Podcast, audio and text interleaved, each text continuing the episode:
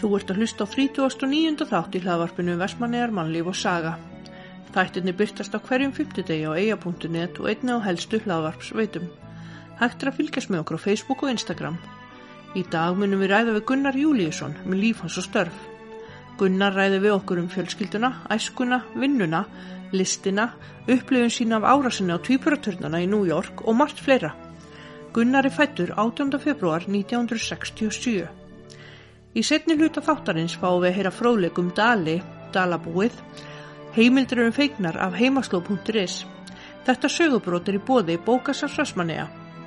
Þátturinn var tekin upp á Icelandic Apartments í Kópavogi. Sæll og blessaður Gunnar Júliusson Já, sæl og blessu Elma. og takk fyrir að koma í laðvarpið. Já, bara sjálfsagt mál, gaman að koma og heita þig og flóka litla. Já, Flóki og ég, við erum farin að halda út þessu laðvarpi. Hann, hann er litli hjálpærin. Hann er litli fjára mánuða korpurinn sem að færa að gera allt vittlustuna. Hann er alveg frábær. Þannig við vonum að fara nú ekki að gelta. Fara nú ekki að taka okkur fyrir vitleysu. það er bara skemmtilegt, Já, já. skemmtileg viðbót. Já, já. Ah, en hver er Gunnar? Já, heyrðu, það er alltaf stóra spurningin fyrst. Uh, hérna, ég er mig, mig skildi kalla. Já, listamaður, hönnuður, dýravinnur, uh, fjölskyldumadur. Mm. Uh, Eh, já, eigamadur, uh, allavega úr eigum Já, og uh, er ennþá sterkar taugar til Vestmannaja. En bí á Áltanesi var það búa við sjóin, já, þannig að hérna, þannig að það var gott, vera alveg nýri fjöru. já, Fjaran er í hérna bakarunum hjá mér, þannig að það er yndislegt að fara þangað og hérna, hérna þegar maður þarf aðeins að svona kúpla sér frá vinnunni já, úr úr skrifstofu, í skrifstofuvinnunni, í Já. kyrsetunni. já. Við hvað ert að vinna? Heyrðu, Ég er grafiskur hönnur ég- og listamaður þannig að ég vinn við þetta hvort tvekja. Mm Er með uh, litla au- auglýsingastofu heima á aftanesinu. Uh, síðast var ég fastaráðinn í Latabæ, var þar vefstjóri og uh, sáum ímis konar gæða, gæðamál og, og, og, hérna, og hönnun fyrir meðalans kynningar fyrir Magnús Geving og svona. En konum mín veiktist uh, 2007 og uh, þannig að ég flutti þá bara heim með vinnuna, þannig að það var alveg frábært. Hún fekk hérna, hún er með gikt, hún fekk sarklíki bak við annað augað, mjög sjálfgeft og uh, en hún er í lagi núna og, en það var alveg algjör lúksus að fá að flytja vinnuna heim Já, algjörlega. og hérna við vorum með þrjú lítið börn og Já, og hérna ég ga- vann þá bara sem verktæki fyrir Latabæi í nokkur ára og eftir já, og, og fyrir aðra aðeila sem að kiftu leifi til að nota Latabæi merkið bara í slönguspil, lútó, minnispil, pústl, alls konar já, ok. og þannig að ég var stundum að hérna, uh, þróa spilin með hérna, krökkunum Já, það var mjög gaman Já. og uh, búið til slönguspili til dæmis með dóttur minni já, spila þetta alveg lún og tón, rosa gaman og hérna láta síðan krakkana máta einhverja latabæjar búninga og svona taka myndir og já, búa gaman þetta var rosa spennandi já. Og hanna er þú þá sérst útlitið á Latabæi? já, með, með öru fólki, já ég, það var búið að hanna mikið að því og um, en uh, síðan er bara sem sagt uh, þarf að nota grafíkina hérna á vörur og bækur og Já. allt mögulegt Einmitt. En ég hannaði hérna vefsíðunar og sá um þær. Batna Já. vefsíðuna eh, leistam.com og almenna síðan og líka business síðan leistam.biz og Já. hérna hannaði það og, og hjælt þeir, þeim síðum við Já, og, og, og sáum verkstjórn á þeim og hérna þannig að þetta var mikill hamagangur oft hérna í Latabæ já, og það var oft hérna fjör já, og Maggi náttúrulega skefing hlaupandi um allt já, já, alveg, þegar hann var í, á landinu, hann náttúrulega var mjög sjaldan á landinu, hann var alltaf að ferðast já, og er svo rosalega ör að hérna fekk sko 100 hugmyndir á dag já, já, og það náttúrulega stóð aldrei steinni við steini þegar hann kom tilbaka og þurfti alltaf að hætta við þær hugmyndir sem að við vorum þó að vinna að og að því það voru komna sko 500 nýjar þannig að þetta var alveg skemmtileg ótrúlegt. tími. já, já, íslenski hátturinn Já. Ó, en hvað varst að vinna hana lengi?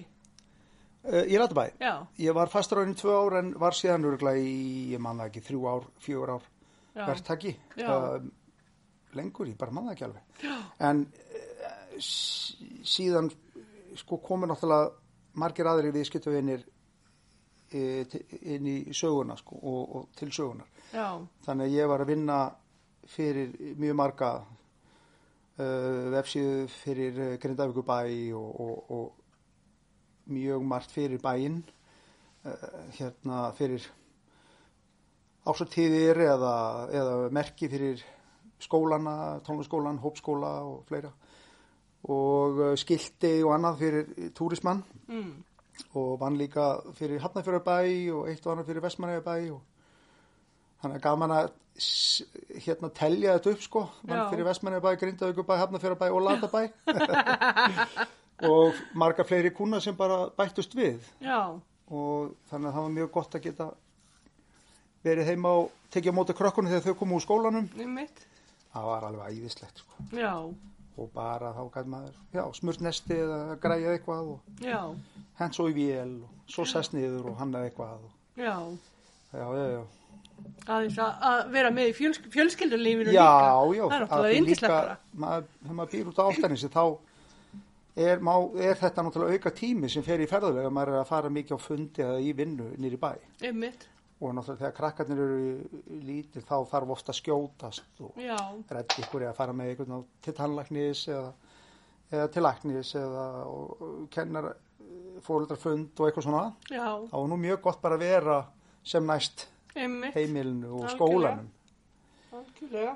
þannig að, þannig að þetta var mjög gott en, eh, en svo er ég eh, núna líka með vinnustofu í Ísúsinu í Hafnafyrði Já, þannig að ég er að, að þess að bæta við svona listaverkagerð já, ok, það hefur náttúrulega verið það hefur svona verið mm, stórt áhuga mál hjá mér bara frá því mann eftir mér að teikna og mála já, og eh, en ég fór í grafíska hönnun á sínum tíma í MHI, myndlistu handíðaskólan já, ok, svona til að eiga, hvað, á að segja, örug starf já, af því að þetta er náttúrulega að sinna list er náttúrulega alltaf haftrætti nýmitt, og uh, það er alltaf pláss á topnum en það er spurning að komast ángað já, algjörlega. já, já, og það er blandað af hefni og, og markasetningu og, og náttúrulega og náttúrulega hérna getu, Já,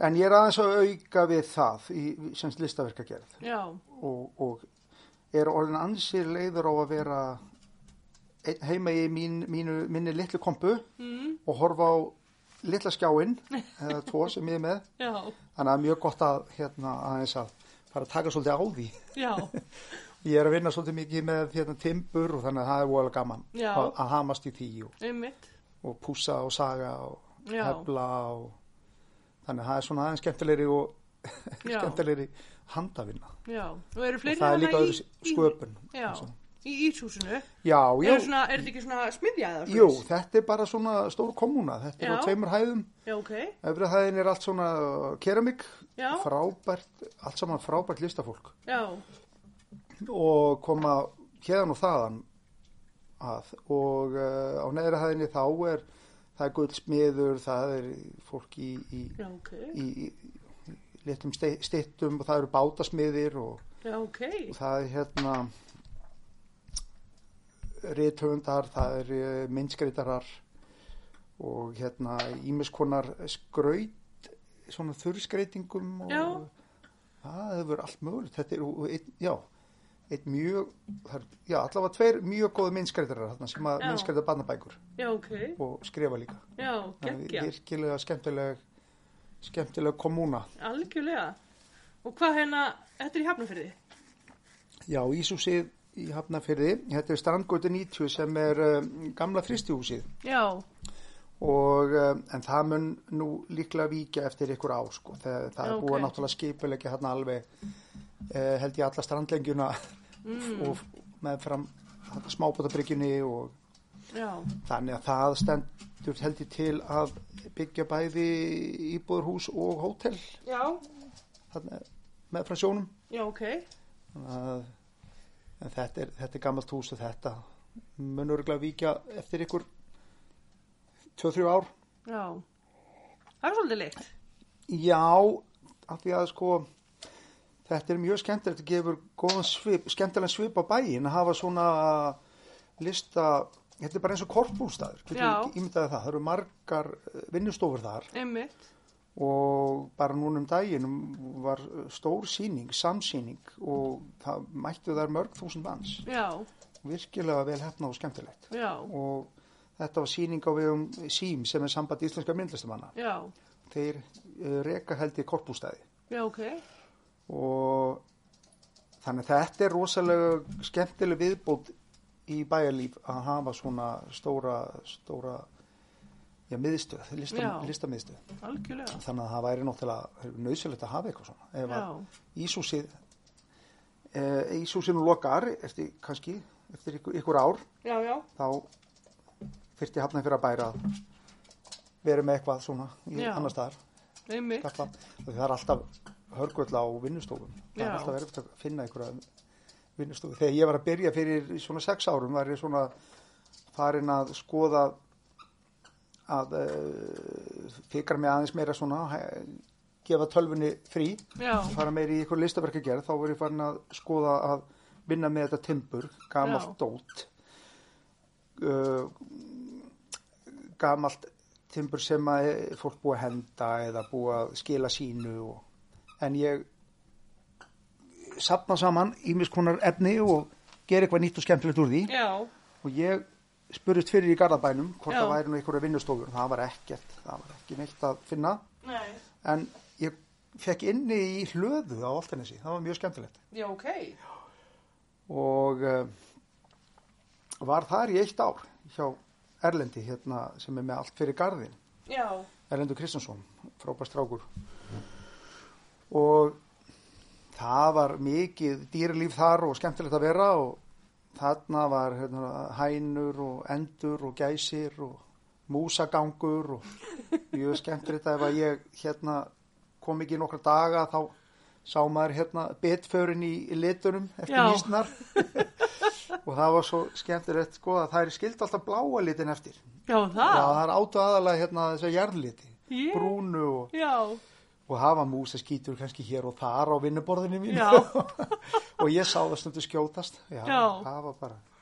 þau verður bara svolítið svona eins og í öskubusku æfintýri, Já, já, fugglanir voru Já, að koma á eitthvað, já, ég sendi það út í búð fyrir mig að kaupa nokkar liti. já, það ekki, Jú, jú. Eitthvað svona listamanna ösku, busku æfintýri. já, indislegt, oh, Já, þannig að ég er hérna, það- ég er nú í útarpi en ég er hérna, þannig að vinnu galli minn sérst ekki en ég er hérna, ég liði bara best að vera í svona allur út að það er í málningu og já, Hatti vinnur minn, hann gerir nú grínur mér og sagði einu sinni við mig, veist ekki að hérna liturna á að fara á strygan, já, ekki á sjálfa þig. já, en kannski eftir bara hanna bóli líka, Já, Hvað veit já, maður? það er bara að vera, gera þetta nógu vilt og skemmtilegt, þá, já, það er allavega eins og- eitthvað líf í því. já, algjörlega, minnst einmitt mjög sætu bólur sem úr núna, Já, bleikur með reppboga og stendur death metal, já, þakka fyrir. þetta er svona alveg andstæða, Þetta er ekki Care Bears eitthvað, þetta er, jú, þetta er svona eitthvað, já, kellegspinninir, já, þetta er, já, Kælisbyrninir held ég. já, Já, já, já, það er gaman að vera í, maður þarf alltaf að vera eitthvað. já, það er smell- Svolítið svona smelli myndaðar á eftir og- til að hafa með, sko, mikið í lagi. Ég segi stundu við hérna krakkarinn mín að það eru forréttindi að vera öðruvísi. já, algjörlega, Já, maður á bara að vera eins og maður er, það er ekki, jú, já, alveg samanlega. Það er svolítið læti í honum flóka, hann er greinlega mjög hrifin að þá svona í hennum. já, já, já, það er bara greinilega ykkur ilmur þarna. Hann var eitthvað að reyna að tæta stóru tanna á mér aðan. Já, ok, og þú bara Naga lætur stóru það, tanna. lætur það bara yfir þig Já, ganga. já, mér er gaman að dýrum. En hérna, hverja manna ertu? Heyrðu, mamma var Þórun Gunnarsdóttir Já, uh, frá horninu oft kallað, eh, hornaflokkurinn og pappi var Július Gísli Magnússon uh, afi var hérna í föðurætt var hérna Magnús í Magnúsubakari já, og en fóstufæður minn hann er uh, Jóhann Hjartason já, og uh, sko pappi dó 1968 þá verið eins og hálsás mm, en Jói kom síðan inn í myndina kannski tveimur, þremur árum eftir já, svona, og svona smátt og smátt og hann byrjaði að leia hérna eh, við átt, sko, á hólugutinni, við áttum heim á hólugutu 22 já, og æsku heimilið og hérna hann byrjaði á að leia kjallaraherbyggi já, ok, já, hann var, var á sjó, hann hefur Já. alltaf verið á sjó og, og kokkur á ásitiði og, og uh, málu var þannig að já, eftir að pappi dó þá var bara mamma með okkur þrjá strákana og svo vantaði Jóa Herbergi og hérna pappas Jóa, hann Hjörtur já, hann kom til mömmu og spurði hvort að herbyggi var í fallt, hvort að Jói geti komið Já. og leikt. Nei, ég vil enga kalla hérna á heimilið og í húsið, já, ekkert svoleiðis. Já. Já, sko, sjáðu til hann hérna ánefnilega kærustu. já, Nú, já, já, þá er þetta nú allt í leið sá.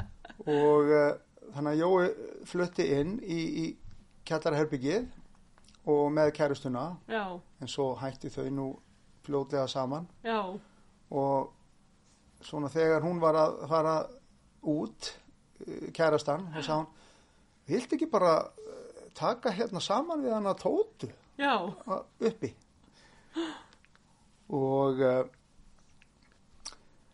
svo var það þannig að hann var mér fannst þú að gaman að koma niður í, niður í kjallara til hans og alls konar sjóar að dóta veggjum og svona Já. og einhver loftvogir og eitthvað dótari einhverja sjóaramyndir já, svo einhvern tíma var það vist þannig að hann var, var niður að horfa á sjónvarpið en mamma uppi að horfa á sjónvarpið já, mér finnst þetta eitthvað svolítið skrítið bara fór upp og náði í mömmu bara bara um að og fannst og sat á milli þeirra já, fannst bara þetta miklu skemmtilegra svona já, Það voru s- allir saman að horfa á já, sjónvarpið algjörlega, og svo hérna fikraði Jói sér nú upp á efri hæðina og já, svo hérna flutti Steini bróðir, elstu bróður minn, hann flutti í herbyggið já, ok, setna, niðri já, og þetta var allræmt partíherbyggi já, það, í eigum, já og hérna þvílík þvílík gleði hérna og, og, og læti sko já, og mamma og Jói stundum að fara aðni niður og berja allt utan og með kústum og öllu saman og hóta að hringja á lögguna fólk að koma upp á efri hæðina hringja, nota síman já, stórkostlegt sko Steini bróður náttúrulega alveg nett ruglaður hérna, Tryggvi Bacon frend okkar, hann kallar hann alltaf óþekk já, eh, og- hérna og svo þegar hann sé stundu Steina þá syngur hann hérna Looks like an angel Já. Talks like an angel But he's a devil in disguise Oh yes he is Já, Óþekkur Já. Það er Steini bróður og svo Maggi bróður minn, hann er hérna lififræðingur, hann er miðjubróðurinn, hann Já. er þrem árum eldri en ég. En Steini er átt árum eldri en ég já, þannig að Steini var hérna og við, Steini var sem sagt, hann fór í kallarherbyggið, við Maggi vorum saman í herbyggi, grei Maggi hann stór skemmtur og eftir ég er svo mikil B-típa sko að hann náttúrulega þessi skeinsami maður sko já, og strákur þá ég er náttúrulega allur út um allt einhvern veginn og a- a- a- allur í einhverju ruglir já, þar að sé ekkert skipulag og var ofta á sunddæmingum á kvöldin já, svo náttúrulega þegar ég kom heim klukkan eitthvað tíu kannski, hálf tíu tíu þá átti ég eftir að læra því að ég ég, ég beigð alltaf með að gera allt svona laga já, kom til á síðustu stundu já, frestunar árótta og eitthvað rugl svo greið Maggi að reyna að fara að sofa klukkan kannski 12 slöktu ljósið sagðan lokaði bara augunum, sagði ég. svo ég hann, hann svaf ekkert greið, ég er rjáttlega við pappýr og eitthvað svona. Þannig að ég, minn tími er alltaf svona ídjalið svona hálf tvö, tvö, Já, náttúrulega. jafnvel hálf þrjú, já. Já, Ég er með eitthvað senkaða klukku, já, þannig að sumir eru bara svoleiðis, þannig að Já. þetta er búið.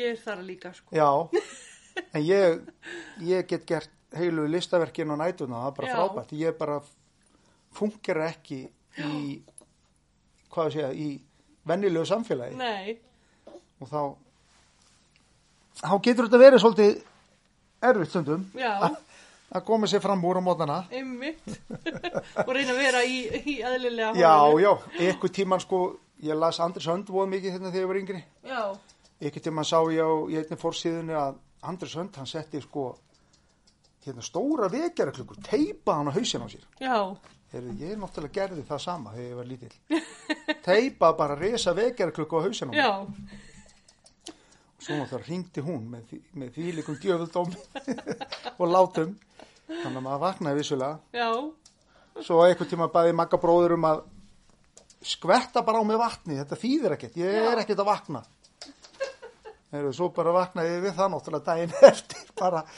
saup kveljur maður þá var hann búinn að skvetta framann í mig heilu glasa vatni hvað er þetta að gera maður ég, þú baðist mér með þetta samt já, það var bara svo leið já, bara hlýti, hann bara hlýti þér. já, já, já, já. Ha, Þannig að, en já, ég talandi um það, að vakna á mótnana og þessi skólaganga, Já. grunnskólaganga, já, Adela P, bestu vinnur minn hérna og æsku vinnur, hann Já. náttúrulega bjargaði mér alveg. já, Hann bjargaði skólagöngunum minn já, ok, og uh, hann, hann bjargaði því, ég komst í gegnum þetta allt saman, hann var, hann sko gafst aldrei upp. já, Hann kom alltaf til mín á leiðin í skólan já, ok, og pekkaði mig upp. og dróði á fætur. Já, og hann náttúrulega var alltaf á setn, sjálfur. Hann hefði aldrei verið á setn eða hann bara farið sína leið. Nei, nei, En það var frábær, eh, sannlega gull af manni. já, það er Þannig að- alltaf gott að hafa, eiga svona góða vins. Já, já, já, já. Nei, það var skemmtilegt. Nei, það var svona. Já, gjör svo vel. Þannig, flóki er á milljón hérna. Já, hlaupandi. skemmtilegur. Fólk verður bara að, hérna, að njóta þess að hlusta á Já, svona já, lítil já. fótaspor. Já, það var ég átti mör- ansi mörg dýr í eigum á hólugutinni. Já, Það var mjög skemmtilegt. Hérna, ég var með gullfiska og alls konar skrautfiska og einu sinni var ég með sjóbúr já, ok. prófað það hálfa mánuð og Já. krabba og sprettfiska og allt mögulegt Bara það allan var pakkan. æðislegt sko. átti kött og págauk og Já, eðlu sem svo til fóta hjá mér já, ok. Hvað fyrstu eðlu? lítil eðla sem að uh, hérna, einn vinnu minn smiklaði frá Porto Rós og ég veitti handinni kongulær og Já, orma og svona rækta orma nýri kjallara handinni það var mjög skemmtilegt allt saman já. Varstu meira lengi eða? ég var með henni í heilt ár Já, ok. og fannst bara miklu meira gaman af dýrum en fólki Já, sko, dýr þau, þau, þau er ekki svona, já, fólk getur verið alls konar eins og við Já. vitum, falskt og all, allt mögulegt, ég ætlum ekki að vera eitthvað neikvæður, en, Nei, nei. en, en dýrin voru bara, ég naut þess að vera hérna í kringum dýrin mín. já. Það er búið gott að hafa dýr, sko. Já, og draumur var að flytja bara til Amazon Já, og bara hverfa þar já, í bara dýra paradís. já, og svo hérna svo er ég að spá að vera dýrlagnir en svo því ég átta mig á því að það verið engi krókudilar eða eðlur eða neitt á Íslandi og slöngur þá, þá bara gafst ég upp ég nefn ekki að fara að lækna einhverja beljur og hunda og kettu og eitthvað svona venjulegt eitthvað og kindur þannig að ég vildi bara fara í ég vildi bara fara í Amazon Já. vera þar innan um eðlur og, og kongulær og annað og trösti, Friðrik Tröstason vinnu minn, hann Já. vildi fara til Kongo já, og hverfa þar og vera innan um górilur og, já, og ljón og þannig að við, tveir vinnirnir við vorum alveg sér og báti með þetta já, og hérna höldum enn miklu sambandi hann er, hann er listamæður já, og grafiskur hönnur líka. já. Og fóruð þið einhvern tíðan út sér? Nei, nei, Nei, því að láta þetta vera að veruleika. þetta hefur náttúrulega var alltaf flókið mál. Ha, Flóki hættu. Já. Sti góði strákur. Já, Algjörgur. eitthvað. En hérna, hvernig eru fjölskylduhæðinir? Er ég giftur Annu Bæringsdóttur, Já. hún er frá Rif City, eins og ég kalla það, Rif í Snæfellsnesi Já, og eigum þrjú börn já, og hérna eina stelpu og tvo stráka. já, Ég kynntist henni út í New York já, ok. fyrir 22 árum Já, og þannig að ég hérna fór yfir lækin að sækja vatnið. já.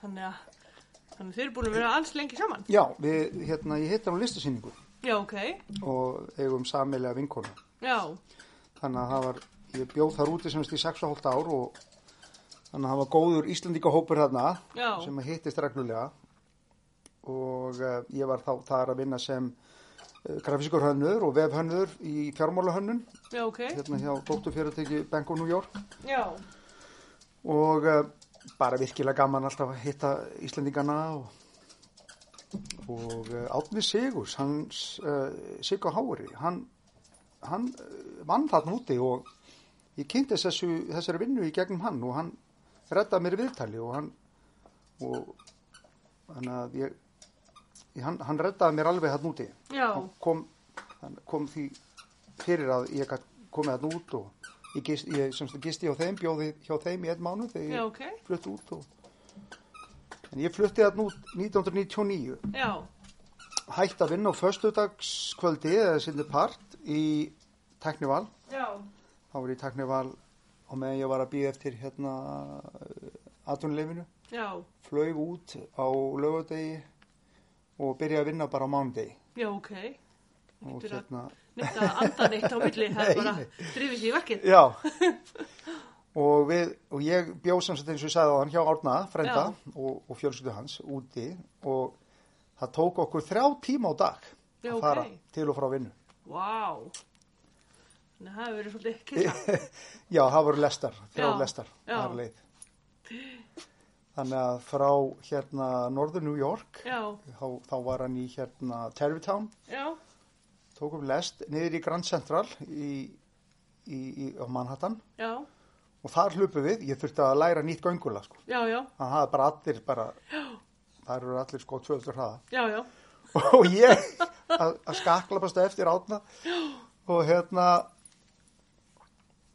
beint, það, sem sagt fer, fer í Grand Central og Já. þar fer maður, þaðan fer maður út og í næsta, hérna, næstu neðjara lest já, og niður eftir, niður á, eh, f- frá sem sagt, ég man ekki hvað Grand Central er, 40. og 50. stræti eitthvað svoleiðis, niður á, eh, hérna, niður á World Trade Center já, þar hérna undir byggingunum sem voru þá, Einmitt. tvíbartutundir og hoppa þar í aðra lest Já. sem heitir Path og Já. fara þá undir hérna undir Hudson Anna ah, koma upp Jersey City Já. megin í, í New Jersey já, fylkinu, já, þar var vinna en svo hefur búin að vera gera þetta í mánuð já, þá rættaði hérna fyrir mig yfirmaður þarna í, í vinnunni, hann rættaði mér bara herbyggi Já. þannig að ég gætt bara tekið við öllu í herbygginu og með öllu dóti og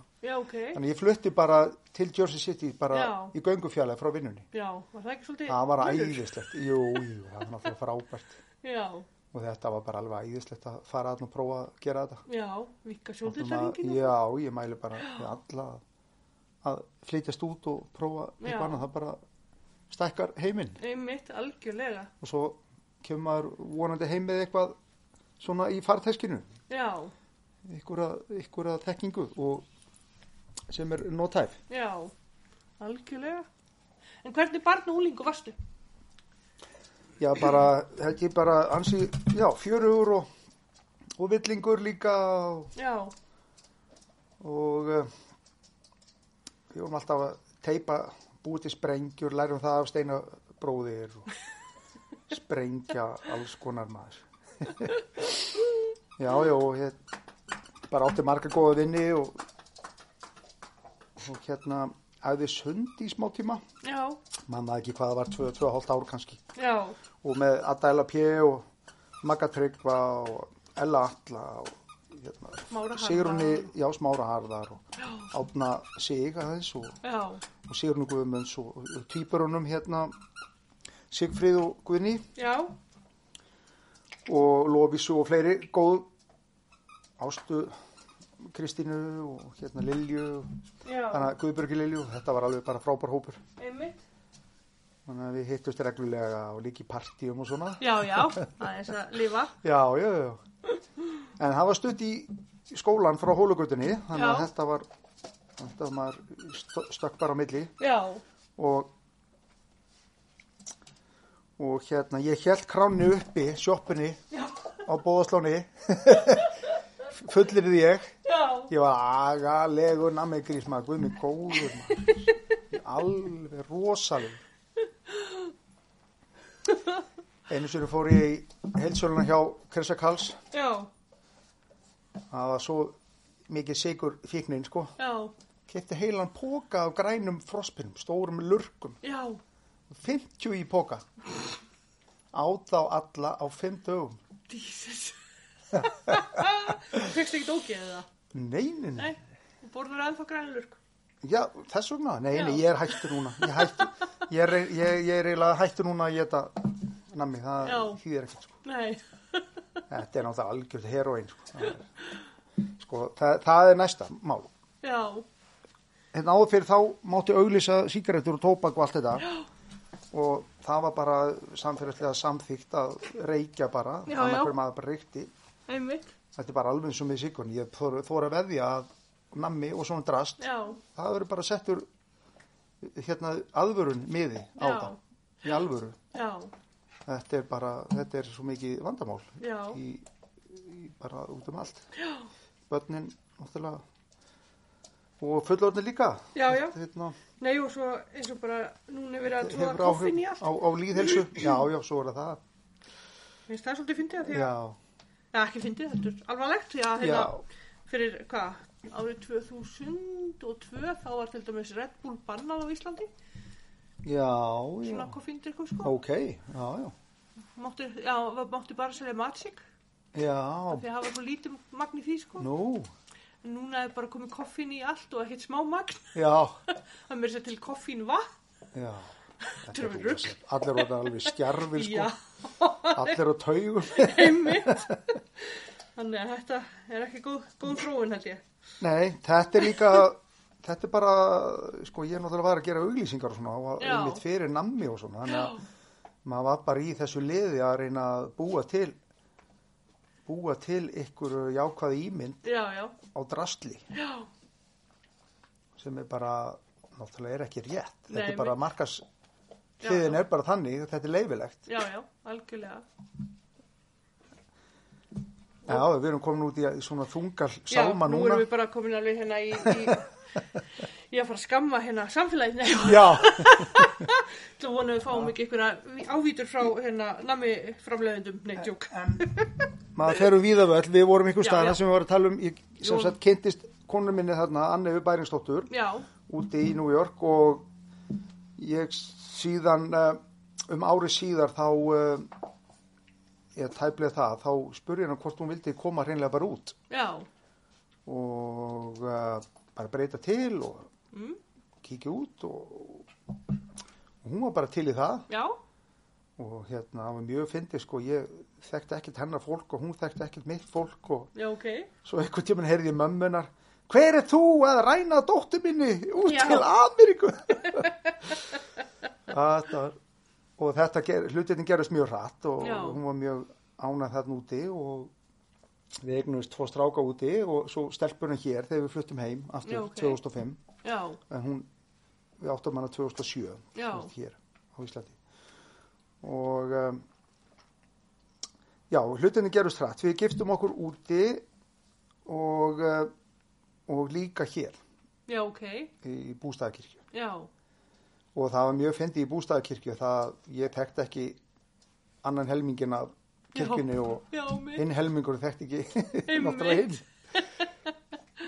og ég var að hitta þarna fólki margt fólki í fyrsta sinn og já, Þetta var mjög skemmtilegt. Já, getur trúa því. Já, þetta var alveg. En- Og bygguðu þá úti þegar að, hérna, árásum var á týpuratununa. Já, og við byggum það rétt hjá, við Já. vorum vitnaði Já, og uh, ég, ég heyrðum eitthvað í fréttunum þegar ég var að fara í vinnuna og, og ég var aftur í göngu fjall, fjallæg þarna, við vorum flutt og byggum með uh, einum spámverja og einni indvesku stelpu og já, einum manni sem var, hérna, var frá, sem er sko hollensk indonesískur. já, ok. Við köllum þetta saminuðu þjóðunar. Já, Það var eitt frá Trinidad líka. já, Við vorum með stóra íbúð, glæsilega íbúð, þetta var alveg stórkostlega gaman. já, En, eh, en sem sagt, ég var nýfærin í vinnuna og þá, þá sér hún og heyrir, heyrir í, í, í setni vilni já, gefa í uh, og sér hana bara fara beint á já, turnin. Og þá átt hann sér á því að það væri, þetta væri engin tilvílum, sko. nei, Þetta væri ekki- ekkert slís. nei, mitt, Ég var ekki vitna því að því ég var komin í vinnuna já, en uh, þetta náttúrulega ég var enn nær já, þessu ég var alveg við Mm. Hudson Ána já, og í vinnunni og fymtu hæð og við vorum bara að vera inni og halda okkur inni, máttum ekki fara út þannig að við vorum bara að horfa á þetta af Einmitt. fymtu hæð já, á þetta, þetta var bara hinum með ána og já, svo bara svo bara sjá þetta allt saman rinja til grunna maður, þetta var alveg ótrúlegt sko. einmitt. Þau verður bara, og furðilega, það var lykt þarna í marga mánuði, þarna einhvern veginn lági yfir loftinu já, og svo var náttúrulega, það voru engar lestar samgöngur þarna á þetta svæði nei, nei, og þannig að það var mjög skrítið að sjá að það var bara allt tómt þarna já, að maður sá náttúrulega á kvöldin þá var þá var þarna þessi borgarmynd Já. öll ljósin og allt Einmitt. þetta og þannig að þessi tveir stóru turna þeir voru ekki lengur Já. og við vorum búin að borða þarna á Windows on the World Já. heitir það, það var held ég 104. hæð já, ok, borðum þar bara 5 dögum áður en þetta gerðist eða Vá. 4 dögum já, og náttúrulega útrúlega Mhm. hátt uppi og glæsilegu staður einmitt, það var svakalegt sko já, einn vinnu félag minn hérna, hann misti góðan vinn já, í þessu og meðlægjand okkar spámerinn, hann uh, vann þarna rétt hjá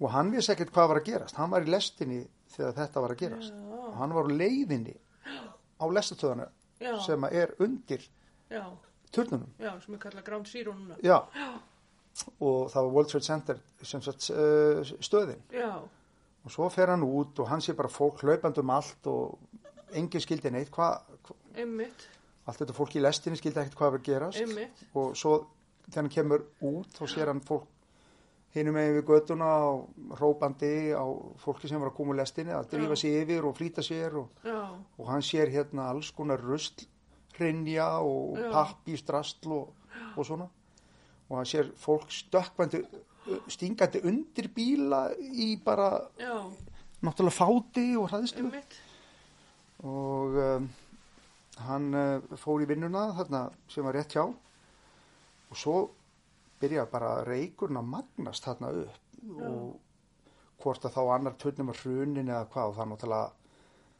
það varð alltaf að vera svart einmitt, en hérna vinnuveitandi hann sagði nei, nei, það er ekkert að gera maður bara allir að halda kyrru fyrir og svo bara var allt orðið svart og Já. það enda með því að hann bara tók fólkið já, og bara þau leittust bara og Já. voru í halarófu, fóru út Já. og gengu með fram veggjum og náðu út að Brúklinbrúni já, og fóru yfir Brúklinbrúni, yfir í Brúklin já, og bara sást ekki handa skil sko, bara einmitt, bara allt í sko. ótrúlegt sótsvarti bara. já já, já og, og, og eh, sem sagt þessi indveska Gita, hún hérna var meðlegand okkar þarna Já. líka og hún var einmitt hérna að fara hérna, framhjá í lest í sína vinnu já, og uh, við náttúrulega allir syngja í alla og Einmitt. símkerfið alveg steg, lamað algjörlega, þannig að við heyrðum ekkert í henni fyrir mörgum tímum síðar já, og Já, þannig að þetta var líka svolítið til þess að hérna, ástæðan að- að við fluttum líka heim. Það er Já. svona, okkur leist ekkert á að vera þarna, hvað ég segja, þetta er svolítið vera í, í, í borginni og na, það er náttúrulega getur allt gerst.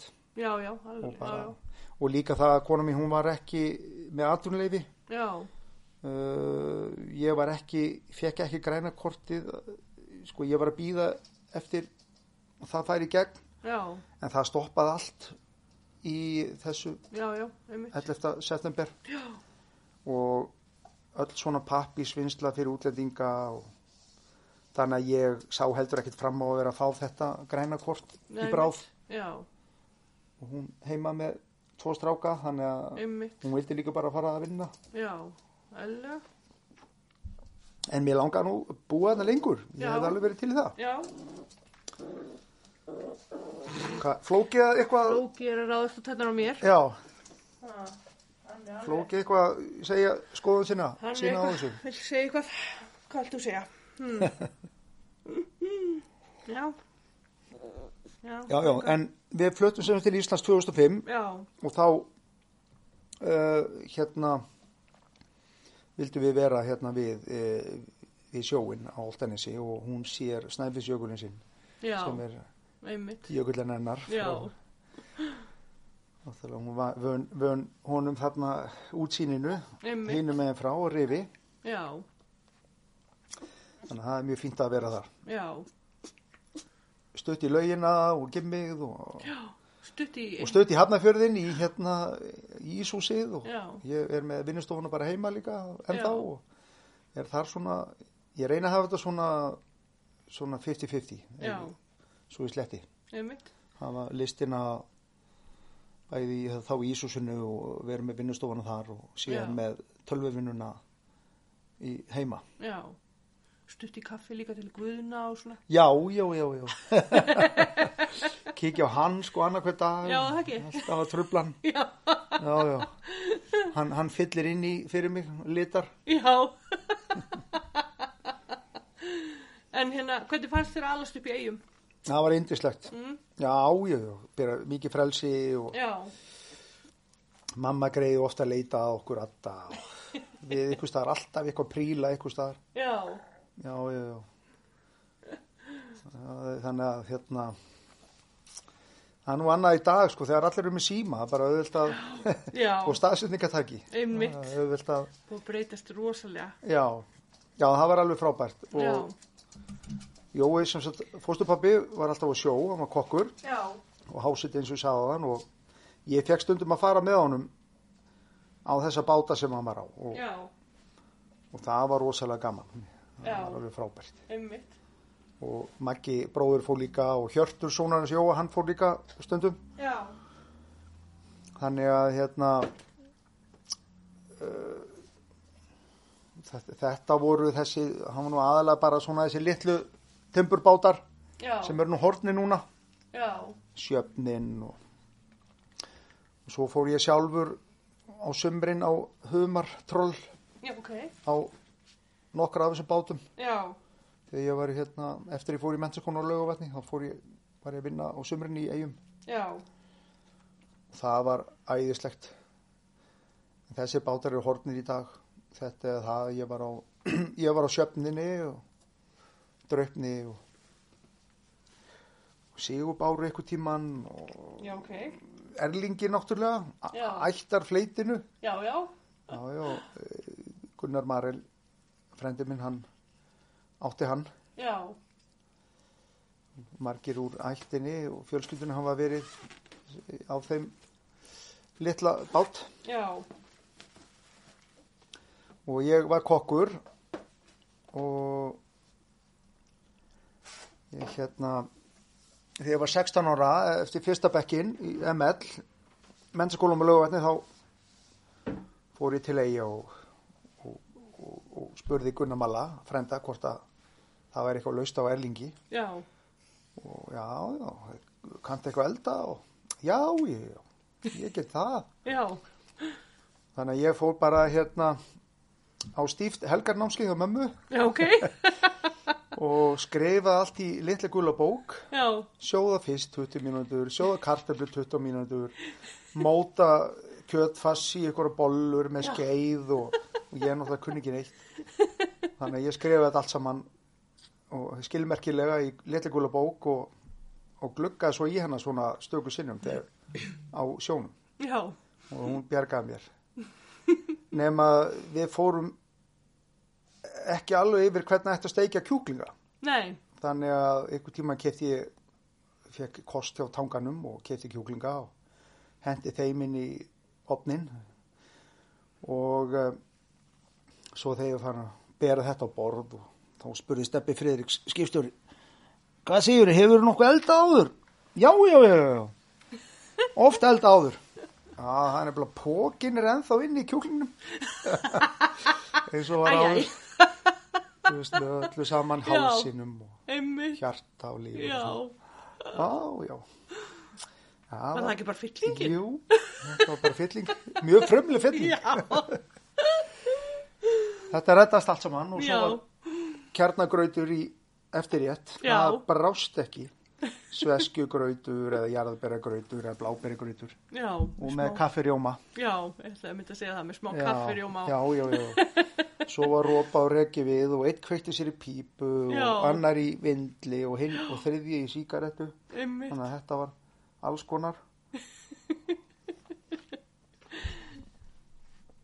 ábygglega verið svolítið sérstök lyktnir í messa, já, það var það já, kjölvatnið og einmitt, táfíla og svitalikt matafíla og, og reykingafíla já, já, og- reykingalikt og allt þetta slorliktin af því að þá var engin svona hitaklefar eða blásar eða neitt svoleiðis fyrir sjóstakkana þeir Einmitt. hengu bara þarna frammi já. þetta var náttúrulega allt saman kalt og blöytt og, Já, náði- já. og þannig að það var ilmur já, ekki trúa því, já, já, já, já já, já, það er bara það var bara gaman að allavega að fá að vera sjómi ámast aðeinslegt já, og ég hafi sérstaklega gaman að því að koma með svolítið mikið af fiski í hérna náttúrugripasafnið. já, Það, það var alveg sérstakt áhuga, hjá, áhugamál hjá mér. já, Mér fannst það rosalega gaman að það var uppáhald safnið mitt, náttúrugripasafnið. Fiskarnir þarna og allir fuglarnir og mm. þannig að ég kom alltaf með eitthvað fisk eftir hverja já, veiðiferð ok, og svo var verið náttúrulega mætti maður hann upp á safna til að fylgjast með hvernig þessi reyndi öllu af og Já, já. hvort þetta lifði allt saman og það þurfti stundum að stinga á belginni eða sundmagan líklega hjá karfanum og löngunni og stundum Já. í ísunni, ísan var frekar léleg já, svona en þorskurinn hann og ufsinn þeir voru svona hargerari einmitt, og þetta var og gaman að fylgjast með þessu öllu saman já, og hugumæri náttúrulega var alltaf og krabbar og þetta, þetta liði allt saman já, þannig að maður hýrti alltaf úr síðasta halinu já, nokkra fiska og hélt svo hélt svo súrumni á þessu bara Já. með smúl og já, svo fór ég upp á bryggju og ringdi fugga gamla mm. á hól og sagði hann að ég væri komið með þarna eitthvað í land og stundum hendi ég bara upp á land og hann sótti það setna eða bað mig um að, hann bað mig um að koma þessu upp í náttúrgripasafn og Já. skilja eftir fyrir utan einmitt, já, já, þarna skötu selir og alls konar kólar og svona mér finnst þetta alveg rosalega skemmt já, þannig að það var, mér, þetta fannst mér gaman við sjóin að vera bara úti líka og fylgjast með fuglalífinu og já, og hérna náttúrulega sjá þessi allar, allar þessar fisktegundir sem að komu í land einmitt ég var bjóðmyndnar úr herjálfskutu þegar ég var lítil og maður einmitt fór allt, alltaf eh, maður mátti ekki fara niður á bryggju já, en ég fór alltaf niður á bryggju og já,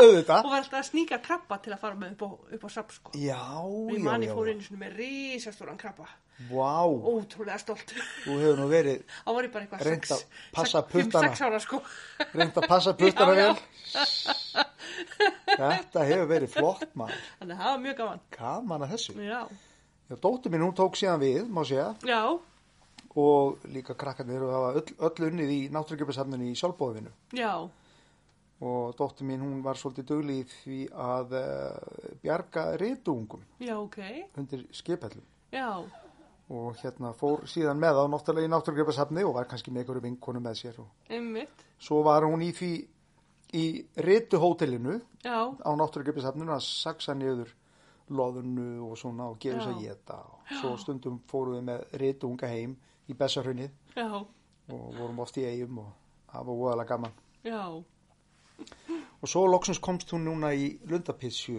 leitt Já, ok. núna þessu ári já, það hefur verið svo lélegt náttúrulega undanfæna Já. þannig að þetta var virkilega gaman að við fórum í hérna ég hef ekki farið í lundapísuleit bara í áratugi já, það er virkilega skemmtilegt. já, þannig að þetta var indislegt þannig að við förum, reynum að koma oft til eiga og Já, líka hitta Jóa já, fóstupappa og hann er núna einmitt í þessum tölu orðum heima já, hann er dögulegur að koma núna koma upp á land og Já. hann gistir oft hjá mér í á Olternesinu einmitt, og hann er dögulegur með harmonikuna hann er til dæmis að spila í hljómsveit á Hrafnistu já, í Hafnarfyrði já, það er það er mjög skemmtilegt fyrir hann að vera svona hann spila líka stundum í, á, á, á hraumbúðum í eigum já, ok, hann er, þú lefur í þessu. já, kallar. já, já, já virkilega gaman að fá hann og Já, finnst þið vera mikil breyting á samfélaginu í eigum núna og þegar þú varst ungur? Já, það er það. það er svona, já, já, það er svolítið svona, það er, bærin bara náttúrulega það var illa farin eftir gósið Mm, og hann hefði búið að gera svo mikið og glæsilegt og flott hérna, eins og fiskið í húsinu og mm ég vann þar sjálfur á sínum tíma undir lala, handleðslu Lala Long mm, snillings í handflökun en sem sagt eh, fiskiðan er hann mjög flott og viktarhúsið og, mm, og Sea Life Trust þetta er glæsilegt allt saman og verður glæsilegt þegar hérna sund eða bað hvað sé það, baðmenningin Baðmálið, Já, verður komin hérna upp á raunið einmitt, þetta er góðu staður og uh, en eina, eina, eina sem er alltaf það er þessi pólitíkin alltaf svo rætin maður mm, ætlar ekki að breytast í eigum já, Það er alveg merkilegt sko. mm, Þú veist, heiftin sko.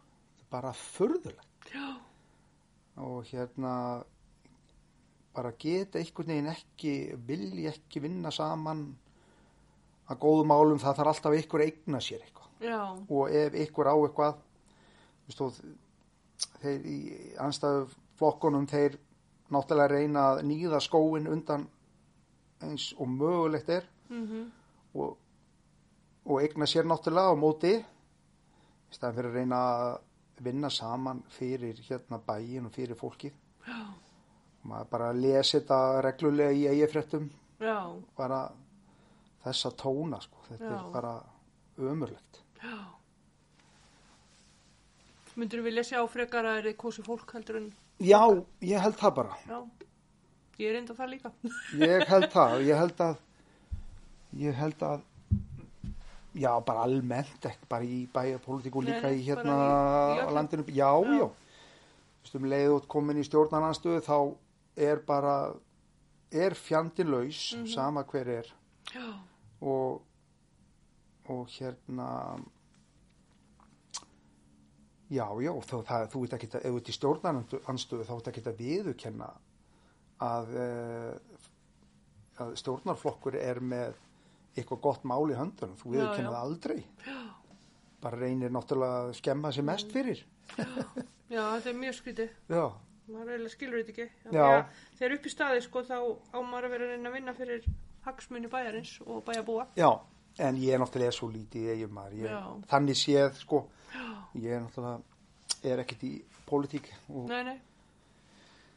en hérna en verður samt var við þetta þegar Já, þú ert að lesa maður verður alveg var við blöðin þetta og já, þetta hefur áhrif, rosalega áhrif, maður tók eftir í síðustu bæjarstjórnarkostningum hvað Já. þetta hafði mikil áhrif á fólk og sundraði, bara fjölskyldum og já, já, svona sundraði og ekki sundraði, Já, stemningi það- var bara já, já. þannig andrúsloftið, einmitt það var bara mjög neikvætt. Já. Þannig að það er, það er náttúrulega ekki mjög skemmtilegt nei, og alls ekki, uppbyggjandi og alls ekki virkilega sorglega bara já, já, það dregur frekar úr en já, hitt. en við vonum að, að næstu kostningar verði bara fínar og allir verði bara vinir mér finnst mottóið mitt í lífinu það er hérna öll dýrin í skóinu Já, það er vinnir já. Þannig að, það er náttúrulega vonandi já, það er svona kannski ekki mikla líkur á því en maður lifir alltaf í voninni já, já, þetta það, það verður að hafa ykkur að vona í þessu já, annars gerist ekki neitt en hvað finnst þér einkenna fólk sem kemur frá eigum eða býr í eigum það er bara allir sammála um það þetta er bara lífsglatt fólk mm. það er bara og samheldin er mikil já, en það er þó að en, en það getur verið svona svolítið um persónu árásir og, en svo þegar þegar á hólminni komið þá er samheldin mjög mikil já,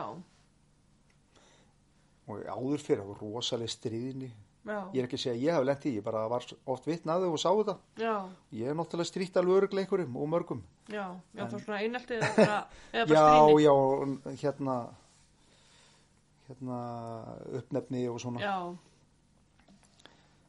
en uh, ég slapp nú alveg sjálfur við það já, kannski kallaði Gunni Græni eftir alla þess að frostpinna á sínum tíma, Já. það var nú alltaf sund það er nú ekki slæmt nei, nei, já, já, það er ekki dag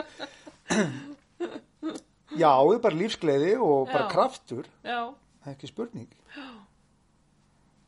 það eru það er, og eiga menn hafa þá orða af sér þetta er náttúrulega svolítið sérstakur þjóðfélagshópur mm. og skemmtilegur en, og, svolítið, og öðruvísi, svolítið svona skrýtnir, já, segja sumir já, það er bara kostur sko. já aldrei að vera eins og ha, eins og fara bara sína leið, það er náttúrulega já, langt skemmtilegast já, verður ekki eitthvað að tróða sér í eitthvað bóks nei, nei, nei.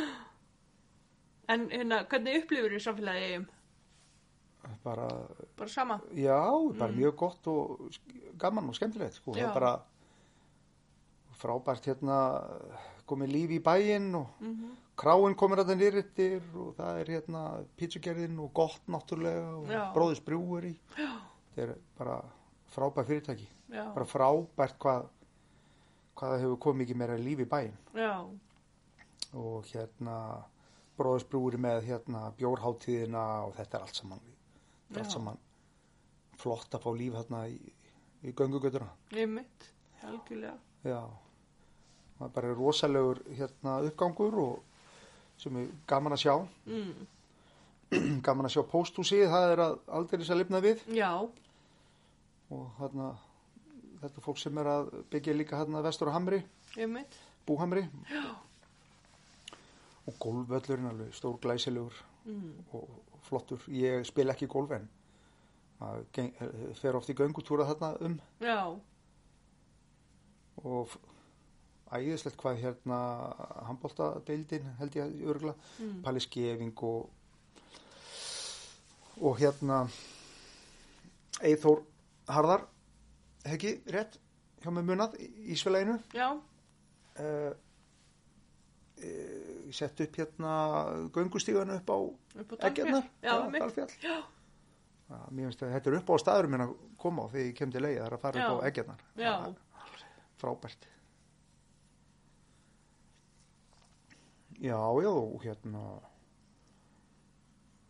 þannig að hérna, það er bara alltaf virkilega gaman að koma. Ég hef komið reglulega og kem þá með, að því ég er frílans, ég er verktaki, já, sjálfsætt starfandi, þá kem ég bara með tölvuna mína með mér og já, stundum með bortölvuna og tvo stóra skjái og já, ok. bara teka allt stofuborði bara og leggja undir mig Já, og ég get verið þarna viku, tvær vikur, Já. þrjá vikur Vistu, við fjölskyldan við höfum stundum verið þarna í þrjá vikur mánuð já, og þá í Bessarhunnu og hjá Jóa og já, Kostu pappa og alveg og þá líka maður slær fl- margar flugur í einu höggi maður er þarna og nýtur þess að gefa sér góðan tíma og hitta góða vini og einmitt. og hérna Svennagum og Haug Jóns og svona kíkja í bíó kannski Já, út að borða og einmitt. hitta Birki yngva og Já. Sonju og allt þetta góða fólk Já, já. Getur hugsað að flytja aftur til eiga? já, ég, Mm. já, ég Heldur Ég þú að ég er oft- eftir að flytja? ég bara veit það ekki sko, málið Nei. er að kona mín hún er ekki mjög mikill aðdándi að, sjó- að sjóferðalögum. Þannig að Mm. hún þurfti að eiga kannski í þyrlu eða Já, Ah. Já. kannski þegar hérna göngin eru komin, þá er Já. það möguleiki. Já. En hérna, hún getur verið sjóveik á milli sko landeyja Mm. og eiga. Mhm. Þannig að það er svona, hún er, einu sinni drói hana með mér hérna til eiga frá þólasöfn og það er vittlust veður og mér fannst þetta bara gaman. Já. En henni hérna, ég sagði, nei, nei, það er ekkert að veðrinu, komdu bara, þetta er ekkert mál, við skreppum bara til eiga Já, og hún greið og svo krakkarnir þú veist, og þau öllum hæðum og ég hlaupandi á milli með Já. ælu dalla út um allt og allir veikir eitthvað æ, æ, alveg skrautlegt maður. já, en mér finnst einmitt miklu skemmtilega að fara í brálu veðri en, en blíðu það er, já, bara- það er eitthvað með að vera sko já, smá fútt í þessu. já, Ég var um því herjum líka, það var smá veltingur og Já. var, einmitt- var sá sem ég var að spjalla við, sonur hans var orðin svolítið græn og, ó, æj, æj eða, var, nei, hann var orðin fann að svitna og svona og fann Já. að líða illa. já, En maðurinn sem ég var að tala við, hann var bara að verða svolítið grænn í framann ok, og ég hlóa eins og villisingur, alveg þú ert orðin grænn í framann. og þetta er svo óþægileg sko, ég maður veit langar bara það, að svo var hoppa ég alveg bara svona, æ, ó, í- því sjóveiki er það versta maður algjörlega. langar bara að hoppa í hafið mann alveg sama Já, en þeir sem betur fyrir sluppu að hérna æla og svona, að já, sluppu það, Æ, það er gott. Já, já, stutt í en, land. en hérna, já eins og, já ég reyna að fara til eiga bara eins og oft og ég get Já, og í fyrra til dæmis þá var ég hérna held í, ég man ekki hvað, í allavega í mánuð já, og fekk krakkana yfir svona hérna eitt af öðru, já, hérna eina helgi í senni eða eitthvað svo leiðis. Já, ok. Fór maður alltaf sama rúndin og gerði allt já, úr páskahelli og sílatröst og upp á Já. stórhöfða og út á, og svona, út á hraun og út um allt og út að borða náttúrulega hérna. já, já, og gaman já, mér finnst það alveg yndislegt að Já. alltaf þegar ég fer til eiga, það langar mig ekki að fara tilbaka nei, það er máli, já, svo er ég alltaf ógeðslega eitthvað leiðilegur og fúll í nokkra daga og eftir já, þegar ég komur upp á land já, það er svolítið fyndið sko Já. og ekki fyndið fyrir vesanings annið mína Nei, mitt, Já, hérna, þá er maður svona komin bara, já, upp á fastalandið en, en ég, ég er út á allt ég get ekkert kvarta. nei, Þetta væri allt annað ef maður væri í Reykjavík. Já.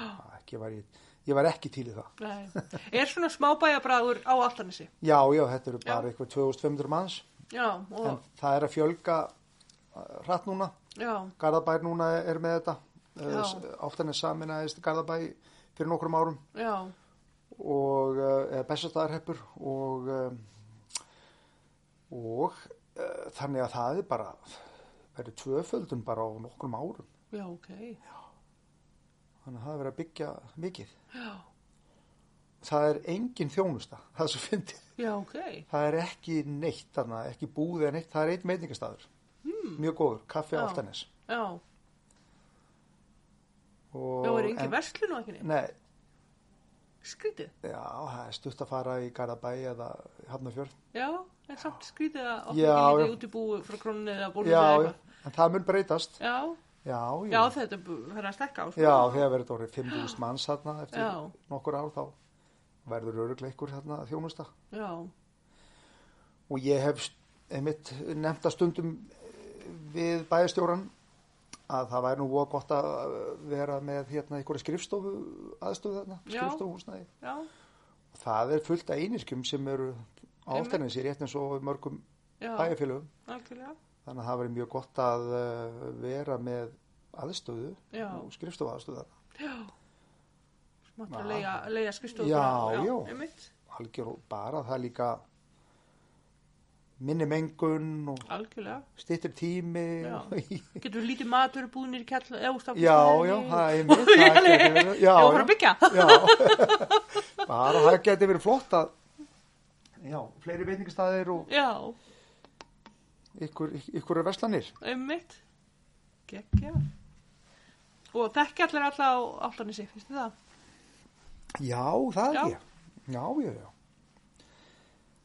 þannig að hérna já, já, þetta er bara lítið, lítið já, lítið bæjarfélag, nú er þetta orðið Garðabær þannig að það er Já, já. ekki lítið En bæjarfélag svona áður en að- að Garðabæ 15 árs manns tókust, já. held ég í Garðabær minnum mig Já, og uh, en Áltanesi er ennþá lítið og Já. Sveitó Já, indislegt. já, Ég fyrir ofta rúndin á alltaf þessi. já, indislegt að Mér finnst eitthvað voða kósi að vera þar. ganga þarna og Já. hlusta á vindin og fuglana og sjóin það Já, er alveg æðislegt þegar var mjög mikið að gera hjá mér hérna hérna fljótlega eftir ég flutti þá var, þá var ég stundum í tveimu vinnum og stundum þegar skaraðist svona mm, hérna vinnur þá fór maður stundum niður í fjöru að aðeins að kúpla sig Já. út Það var, frá kyrsutinni og tölvuninni já, þannig að ég ég er ekkert held ég mikið þekktu fyrir að geta setið, setið kýr nei, þannig að þetta hefur stundu verið áskorun fyrir mig að setja og einbytta mér. já, Ég man þegar ég hérna útskrifaðist úr grafísku hönnun í myndlistu og handega skólanum mm. 1992 og vann stundum hjá uh, lítill auðlísku stofu í, í, í hérna hafnafyrði og þegar ég satt við tölvuna og var að reyna að einbytta mér þá bara, ég var alveg að verða vittlu sko. já, Ég var alltaf að standa upp og eitthvað tegja á mér og, já, og ég saði bara við þau hérna, hvernig, ég skil ekki hvernig í ósköpunum ég á að geta unni við þetta starf. já, Ég verð, ég verð bara tjúlaður. já, Þannig að en það er mjög gott að geta skroppi í gimmi og sundi þarna á oftanisinu. Það já, er góð aðstöða. já, algjörlega, Eða hjóla bara, það eru góðir reyðstígar þarna og hjólastígar líka. já, Það vantar ekkert upp á það. nei. En hérna, finnst þér vera mikill munur á Altanesinu og Vestmanneum?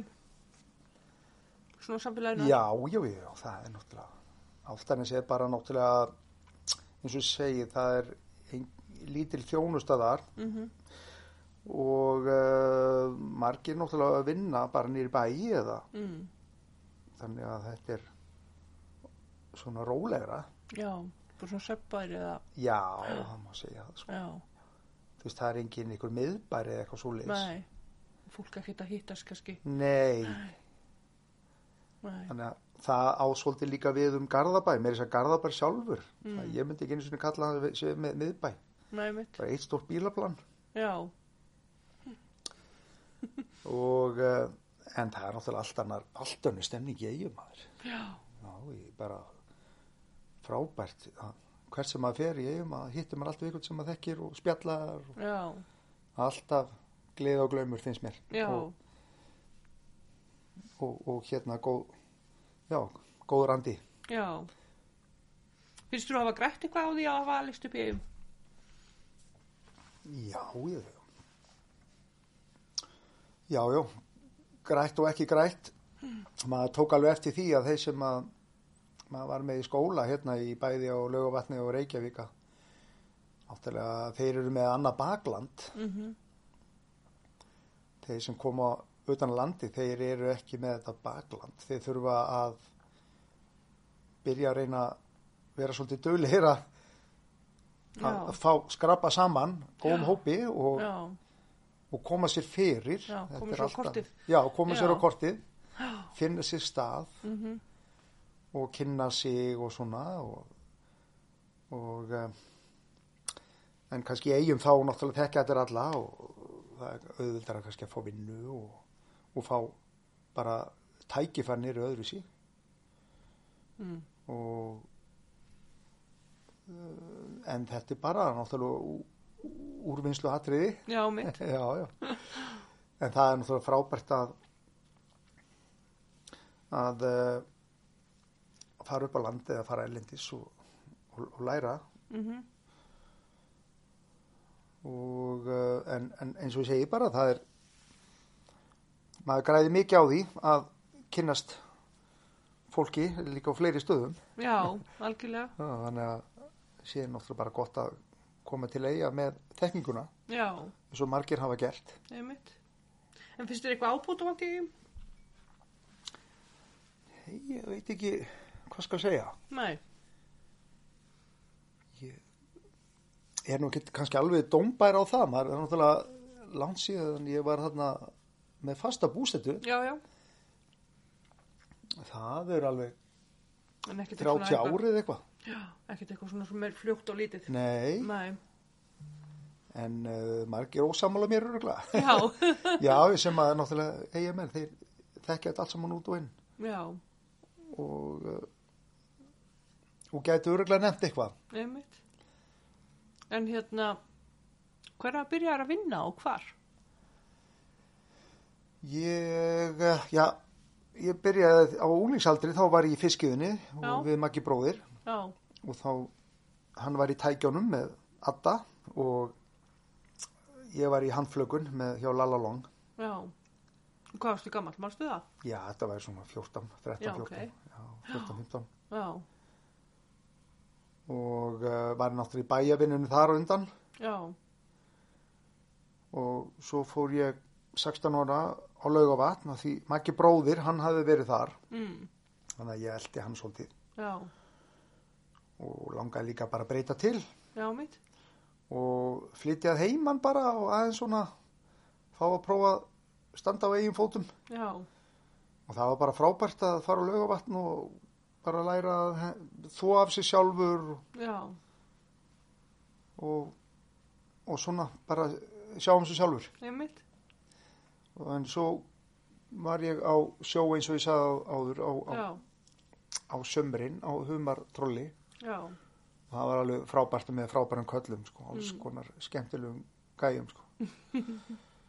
það var alveg margir hverju alveg snillingar já, haugur á sjöfninni og, og moddarnir, ég var á draupni í tvö sömur, mm. moddarnir voru flottir maður hér sögða og uh, hérna Ei- Einar Guðmundur og, og Már bræðnir mm, Hmm. og uh, Sæpi það er alveg snillingur og, og Dotti og Óli Snorra og, Hmm. mm, já, já, Ómar Kristmanns, hann var skipstjór á skúla og fókita já, var þar eitt sumar en að já, svo var ég eh, tók ég eitt ár frí eftir laugavatn eftir stúdendinn og var í löndunugenginu í eigum já, ok, og eh, var þar með frábærum miklum kempum maður fíl ekki kraftakallar maður Þetta Ómar Stefán sko ég kalla alltaf Herkules já, og hann er bara ánað með það Magni og, og fleiri og, og já, Jói Stefáns og og uh, svo fór ég í myndlistuhandiðaskólan Mhm. ég sótt um uh, sendi inn tillögur uh, átti að sk- senda inn uh, mótilteikningu og af ykkur mannesku og uh, fólki úr atvinnulífinu og ykkur götumynd Hmm. mm, og ég sendi vasslitamindir og, og blíjansmyndir og teknaði þáverandi kærustu teknaði hana þá baksöpinn Hmm. mm, hana nakta til að sína nú anatómju já, já, og tekna mynd af Eggerti frænda nýri slipp já, og hérna mála ykkur báta þarna í slippnum og tekna þetta umhverju kringum uh, skipaliftuna og líka upp kirkjuvegin mhm, og um, þannig ég komst inn og var þá í semst í fjögur ár Hmm. mm, í almennu námi fyrst árið og svo fór ég, var, var, var valið og, og fór í grafiska hönnun og var hérna eitt sumar í löggunni í eigum sem svona sumar nörd já, og eh, en ég er náttúrulega alltaf skröðlu til að geta verið lögga nokkuð tíma sko. alveg snar öruglaður og eh, en uh, vann sjálfstætt í eitt ár eftir útskrift mm. þegar ég var grafiskur hönnur 92 og því þá var bara frekar daburt eitthvað vinnu atvinni ástand já, og það var búið að vara mig við að geta ekki fengið vinnu og eitthvað þannig að ég fór á atvinnulegsu spætur og leittist hann og það alveg óskaplega var í ykkur þrjá mánuði og sagði bara neði þetta er ekkert hægt já, og stofnaði bara mitt eigi fyrirtæki og labbaði bara, fór inn á öllskustofur með möppu og síndi það sem ég hafi gert já, og gekk alveg glimrandi vel já, Hmm. og það var bara alveg rosalega skemmtilegt mm, var með auðlýsingastofu eða einsmanns stofu Mm og Gústi vinnur minn leiði með mér í skipolti 50 Já, voru með stóra fína aðstöðu og þetta var alveg æðislegu tími Já, og ok. þá var mér búðin vinna á Íslensku Ölluskistofunni já, og uh, þar, ég var að vinna þar í fimm ár bara við Já. almenna grafiska hönnun þú veist uh, logo, bæklingar já, eitthvað ekki mikið reyndar þá en, en það voru aðalega auðlýsingar og minnskildingar já, og logo og ykkur storyboards fyrir sjónvarsauðlýsingar þannig að hérna en síðan já, vildi ég nú fara eftir þann tíma vildi ég nú fara að breyta til og fara meiri yfir í markmiðlun og vefhönnun mm, og hafði samband við Átna frænda Sigurs og fór þá út til Jersey City í, eh, í viðtal mm, og, og fekk þá vinnu já, og fór í annað viðtal líka á Manhattan já, og það var bara úgeðslega gaman að mæta þarna með teiknumöppuna já, mannum hans maður alveg voða spaði búin að Já. sigra heiminn einmitt, lappandi hann um í jakkafötum á Manhattan sko einmitt bara leið, já, já, ógeðslega kúr, rosa gaman já, sko já, já, hérna, þetta var virkilega það var æðislegu tími að já, vera úti já. En hvernig, hvað myndir ráleika hérna fólki sem að hefði áhuga á að vinna við það sem þú vart að vinna við? Hvað er best að byrja á þess áttar?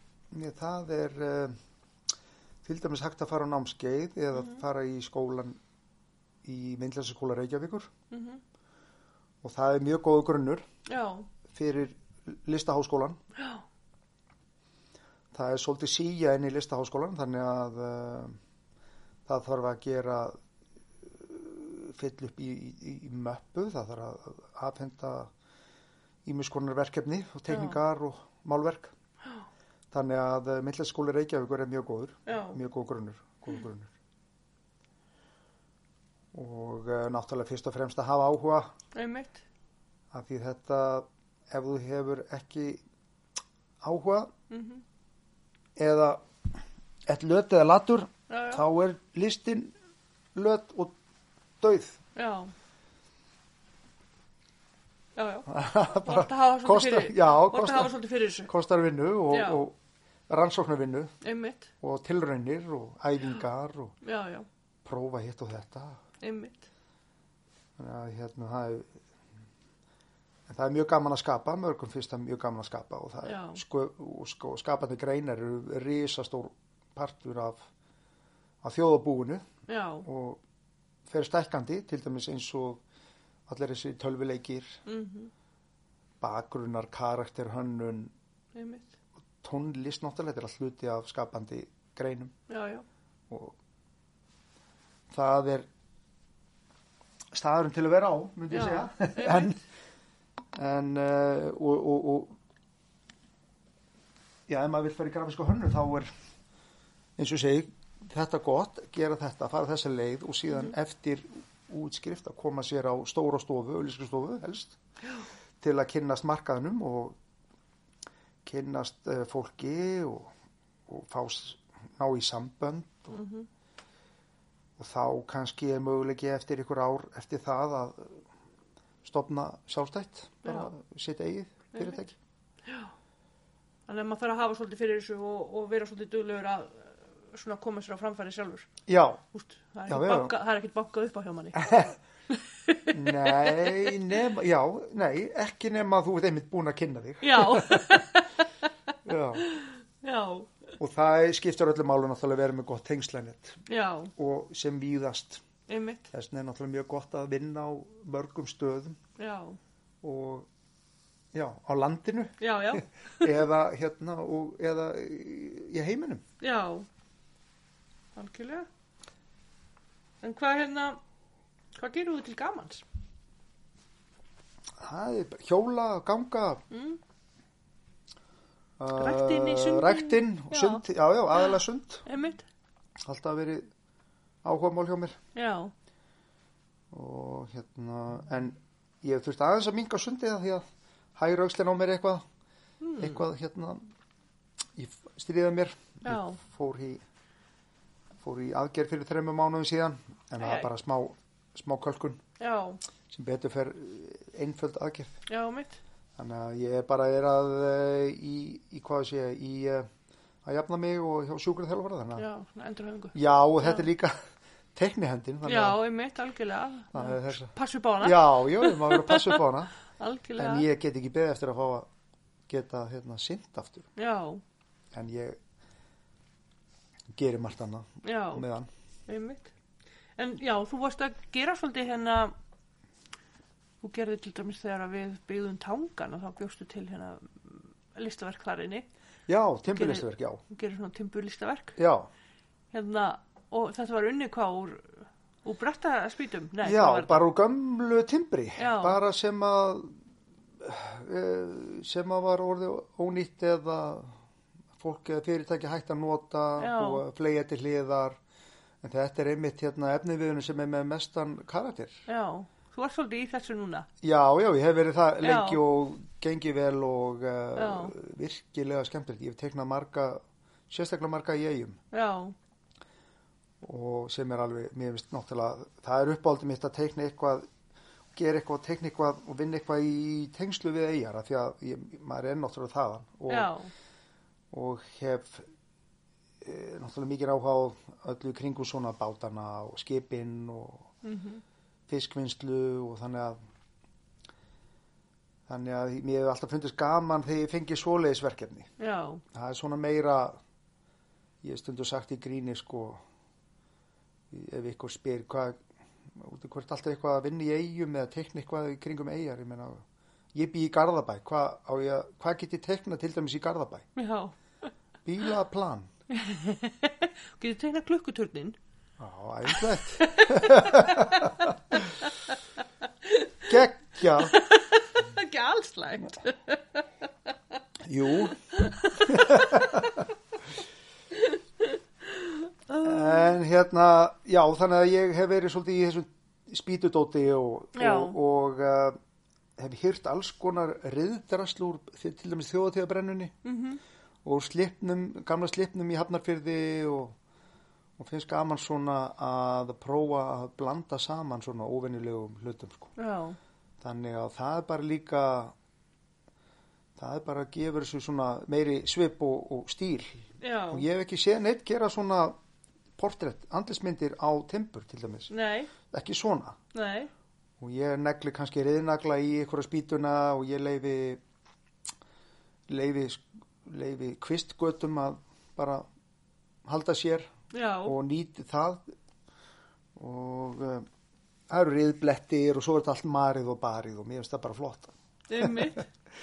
Vostu mitt að búa til einn og setja mynd af honum á, hérna, á Facebook? já, Bara hvað ég gæri það ekki? jú það var svona með afrísku sniði Já, já, við trösti Freirik vinur minn, við vorum svolítið í þessu hérna í gamla dag já, búa til uh, grímur það já, var svolítið skemmtilegt þetta er svona mikið, já, svona óvinnulega andlit og uh, það var úr trölladegi þannig að það átti það til að springa og svona já, en uh, ég er með fullt af alls konar drastli eins og maður getur, ef maður getur kallað sem svo búin að sanga mér alls konar gömlu spýtudóti og riðdrasli og, og ég er í, í, og er með þetta í Ísúsinu Já. og ég er með mjög góða vinnuðastöfu þar já, frábæra vinnuðastöfu, frábæra stúdíó já, og er þar að tekna og mála og timbur og, og, og, og, og hefla og saga og svo er að reyna að mála líka olíu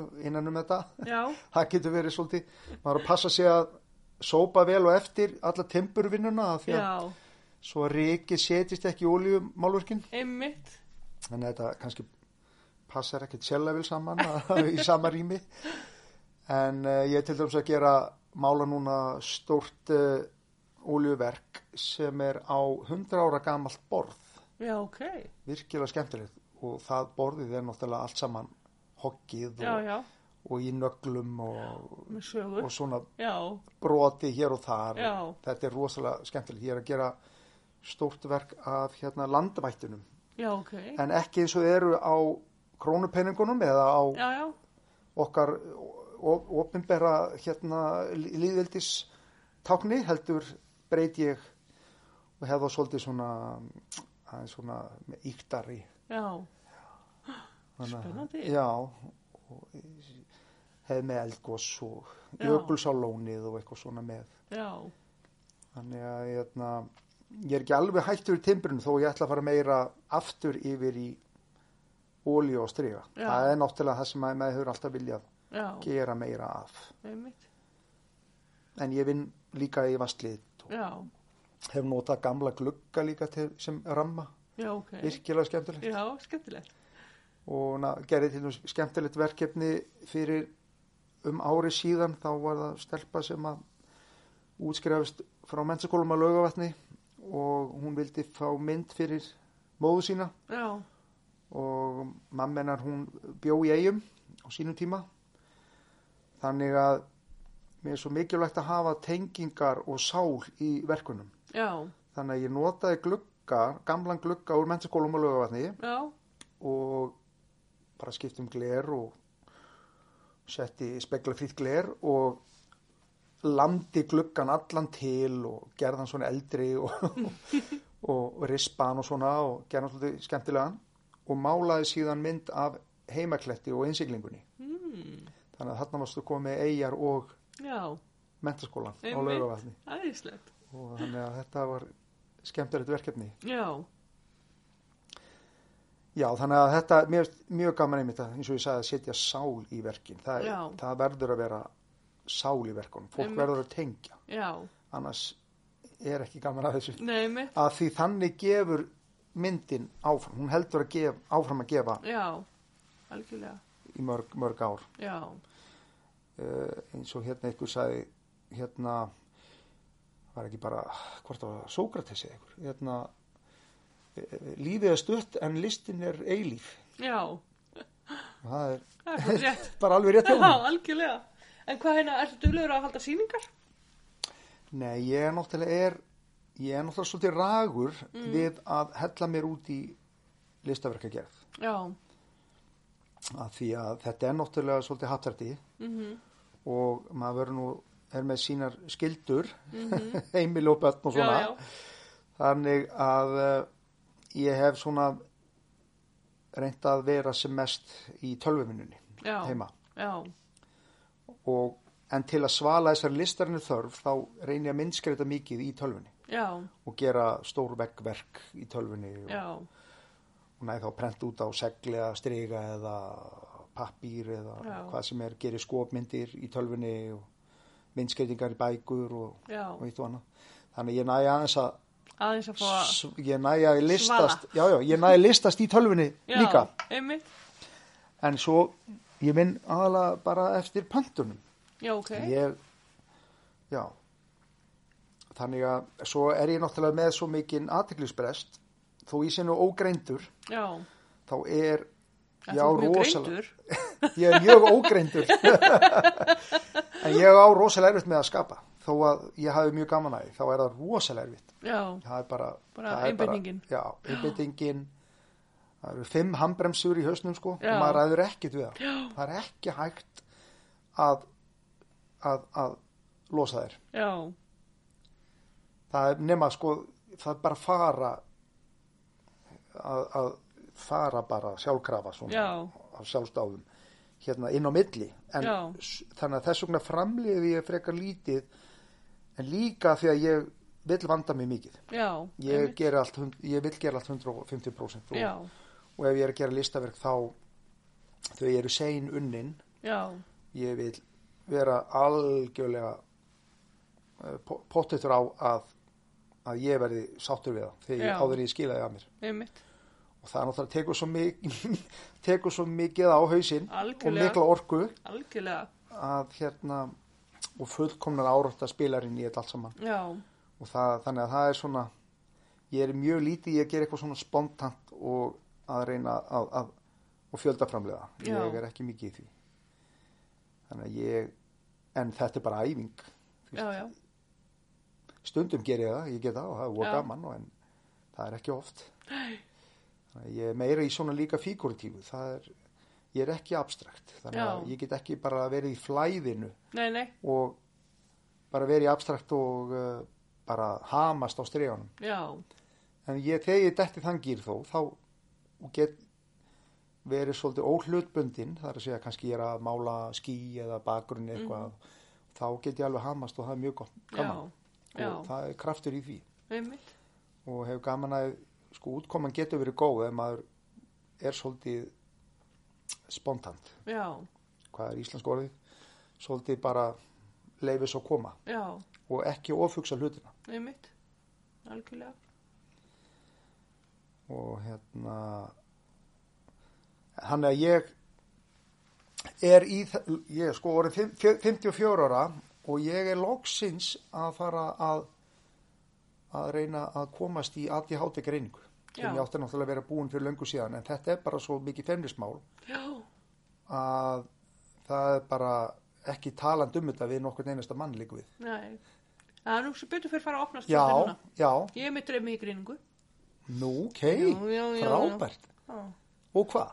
og bara, ég fór í gegnum sálfræðing, sko, hann er, Já, ég er að býja eftir tími á geðlækni og það er já, svo það er rosalega mjög löng langur bið. tíma já, já, Þannig að ég er búin að býða núna í rúmt ár. já það er nefnilega það En ég var að fá gleðifréttir að það er, jafnvel, geð, að það er geðlæknir að fara að vinna hjá HSU. Þannig ég ætla að reyna að komast að hjá honum. Mhm. já, það er æðislegt Þannig að, en þetta er allt í, í rétt átt sko með, með það að komast í þetta ferli já, af því að ég frétti að það væri til Facebook síða sem heitir Fullornir já, með ADHD, Einmitt. ADD og þar getur maður algjörlega ófeimin Mhm. við spurt já, og það er fullt af fólki sem að svara þér já, já, sem er alveg frábært já, ég hef náttúrulega marg ofti reykist á veggi bara Já. Mhm. í fjölskyldunum, vinu og hópnum og út um allt nei, nei, nei, nei hvaða ruglir ég er? já, það er alltaf svona já, já, já, já, þetta er, en þetta er að breytast já, og maður á að nýta st- eh, styrkleikana sína það algjörlega, er mjög slemt ef að þeir geta ekki komist sem sagt maður finnur þeim ekki í farveg já, af því þeir eru kannski ekki samþyktir einmitt, í sko fyrsta lagi þá náttúrulega er þjóðfélagi A-hljóð þjóðfélag já, já, það er meða við að þú ert 8-4 eða 9-5 einmitt, en ég meina hvað með hinn helmingin af mannkininu já, það gátt ekki allir verið sofandi hérna í, þegar við vorum hérna á Ísöld nei, einmitt, geta allir verið sofandi á saman tíma það þurfti bara ykkur að vera á næturvakt já, já, Þannig að hérna sumir eru bara sko afkasta ykkur ósköpum á nætunar. Já. Þegar er algjör, algjör, algjör friður og, og ró.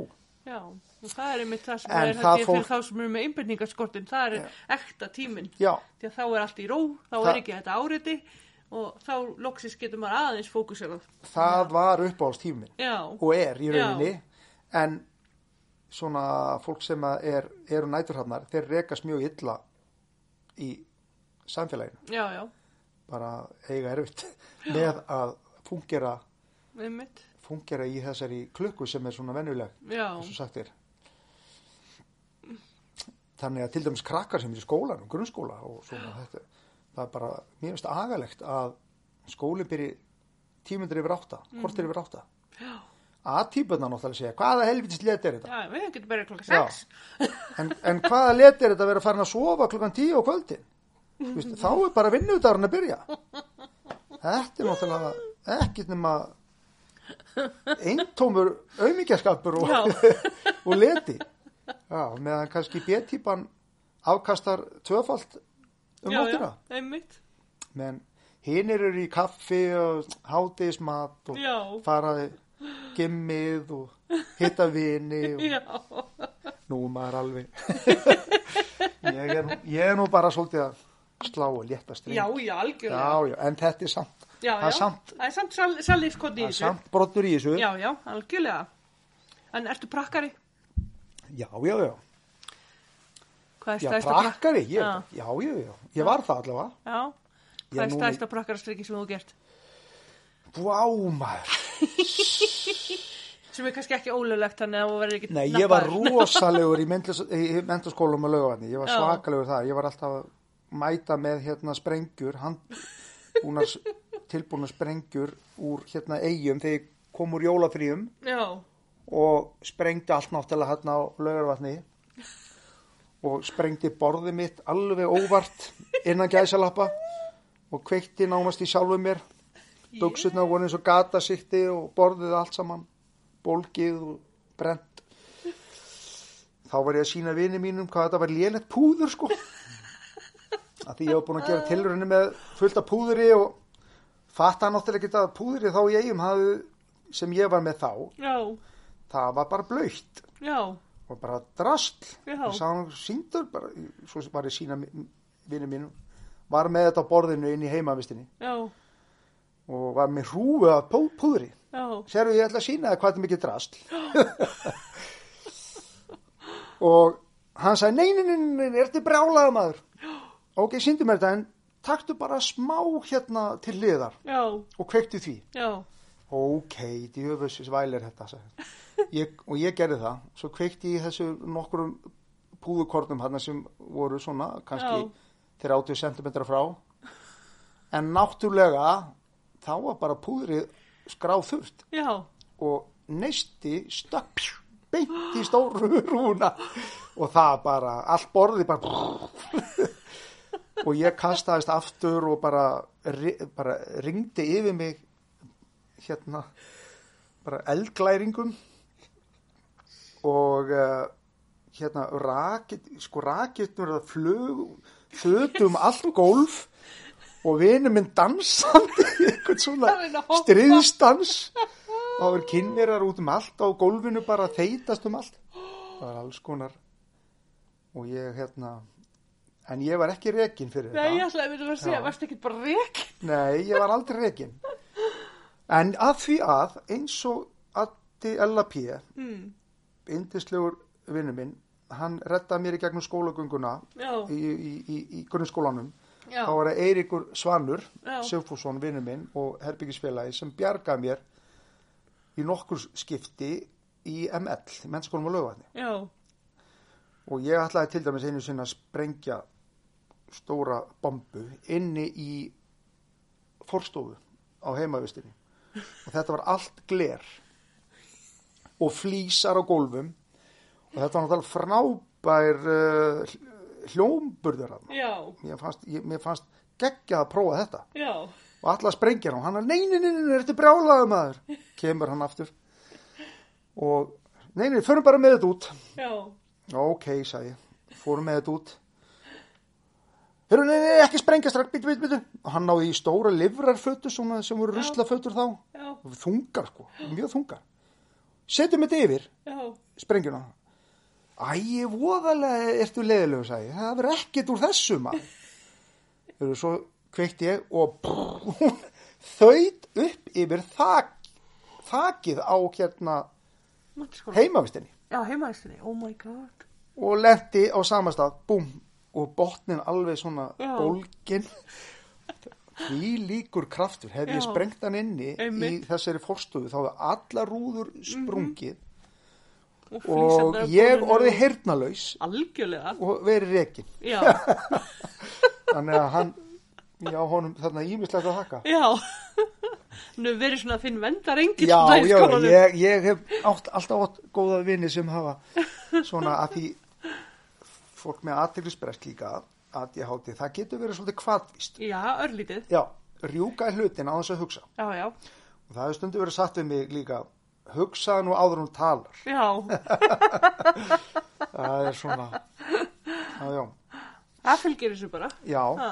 já, já, já, þannig að þetta, já, en, mörg, en, en prakkarist ekki eigum, jú, þau voru nú, e, svona, það var nú, það var nú svona ekki kannski í þessu kaliberi en það var nú, maður var nú bara, held ég,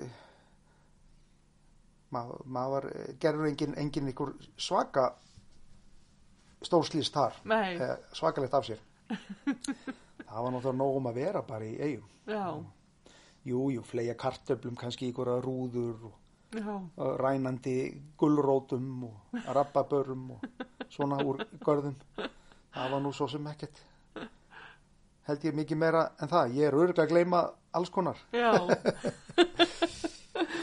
en hvað hérna, ertu sprengjuglæður í dag, nei, nei, ég er alveg vaks, það er eina sem ég er vaksin upp úr já, Já.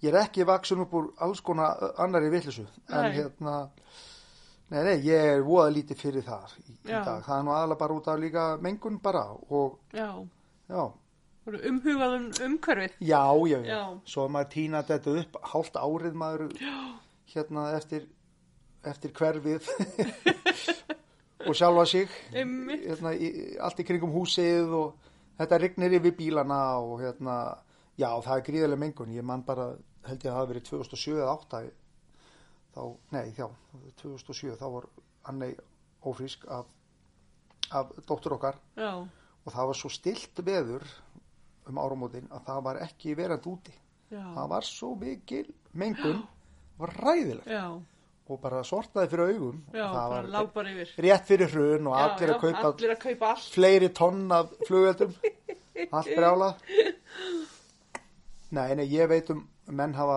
ég er bara sem betur fyrir slapp sko, því ég var búið Mm. í sprengjum úr annað fekk aldrei neitt í augað eða Já, mitt. eða sprengt upp ykkur að teikni putta eða neitt Nei, en ég þekki fólk sem að hafa hefur slasað sig já, og einu vinnum minn hann misti sjónin en misti annað augað og já, ok. Já, já, já, þannig að já. þetta er Þetta er stór hættulegt, já, sko. já, það er það náttúrulega Já, en hvað vísir vitlisingar, þeir láta ekkert segja sér eitthvað svona það Nei, nei. þetta er stór hættuleg, þá er það enda meira spennandi já, já.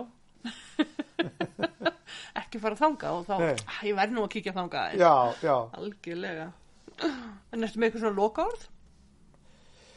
nei, nei, nei það er bara áfram list, Já, er það ekki já, og ég er í, myndlist, í myndlistafélaginu Grósku í Garðabæ og er að reyna að vera svona eitthvað virkur þar, já, var formar þar í fyrra en uh, er svona meðhjálpari núna já, og ekki stjórn en, uh, en, en Aldís Gunnars, frænka mín, hún Já. er einmitt í þessu líka, hún var nýlega hjá þér í viðtali já, já, og hún er mjög dugleg í að mála og, og hérna í félaginu líka, mm, hún er í stjórn og mjög skemmtileg já. listakona og Er mikið listræn í fjölskyldni?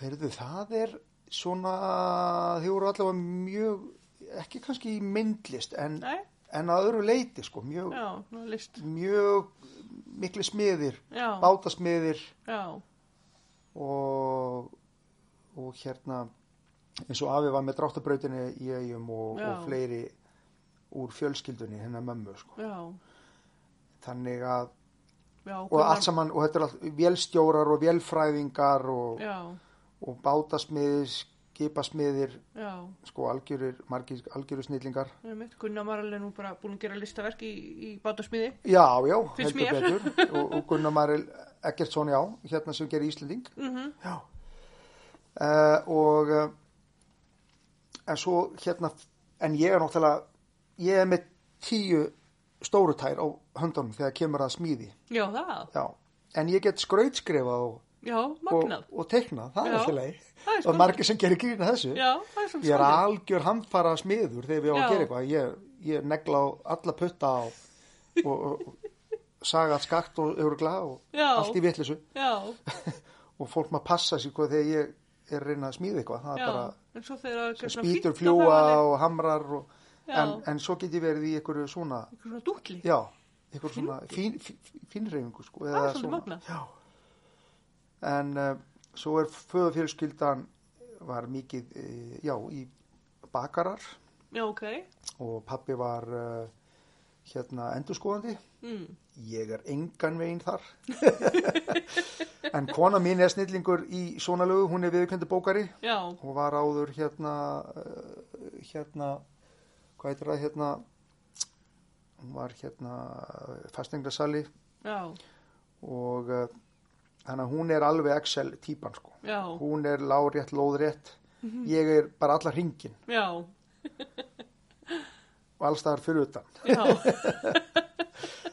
Þannig að, en það eru margir kostir við það. já, já, Maður er oft fljótur að sjá vandamál, einmitt, sko, til að eh, lausnir já, á vandamálum, alltaf ég segja. Já, Að því maður er á, á, á annari plánit, sko, Já, maður já. sér allt utanfrá. einmitt, Og það hefur oft hjálpað mér, ég var í verkstjórn til dæmis, þegar ég var úti í bandrækjum þá var ég hérna við verkstjórn og uh, og hönnun og yfirhönnun og þannig að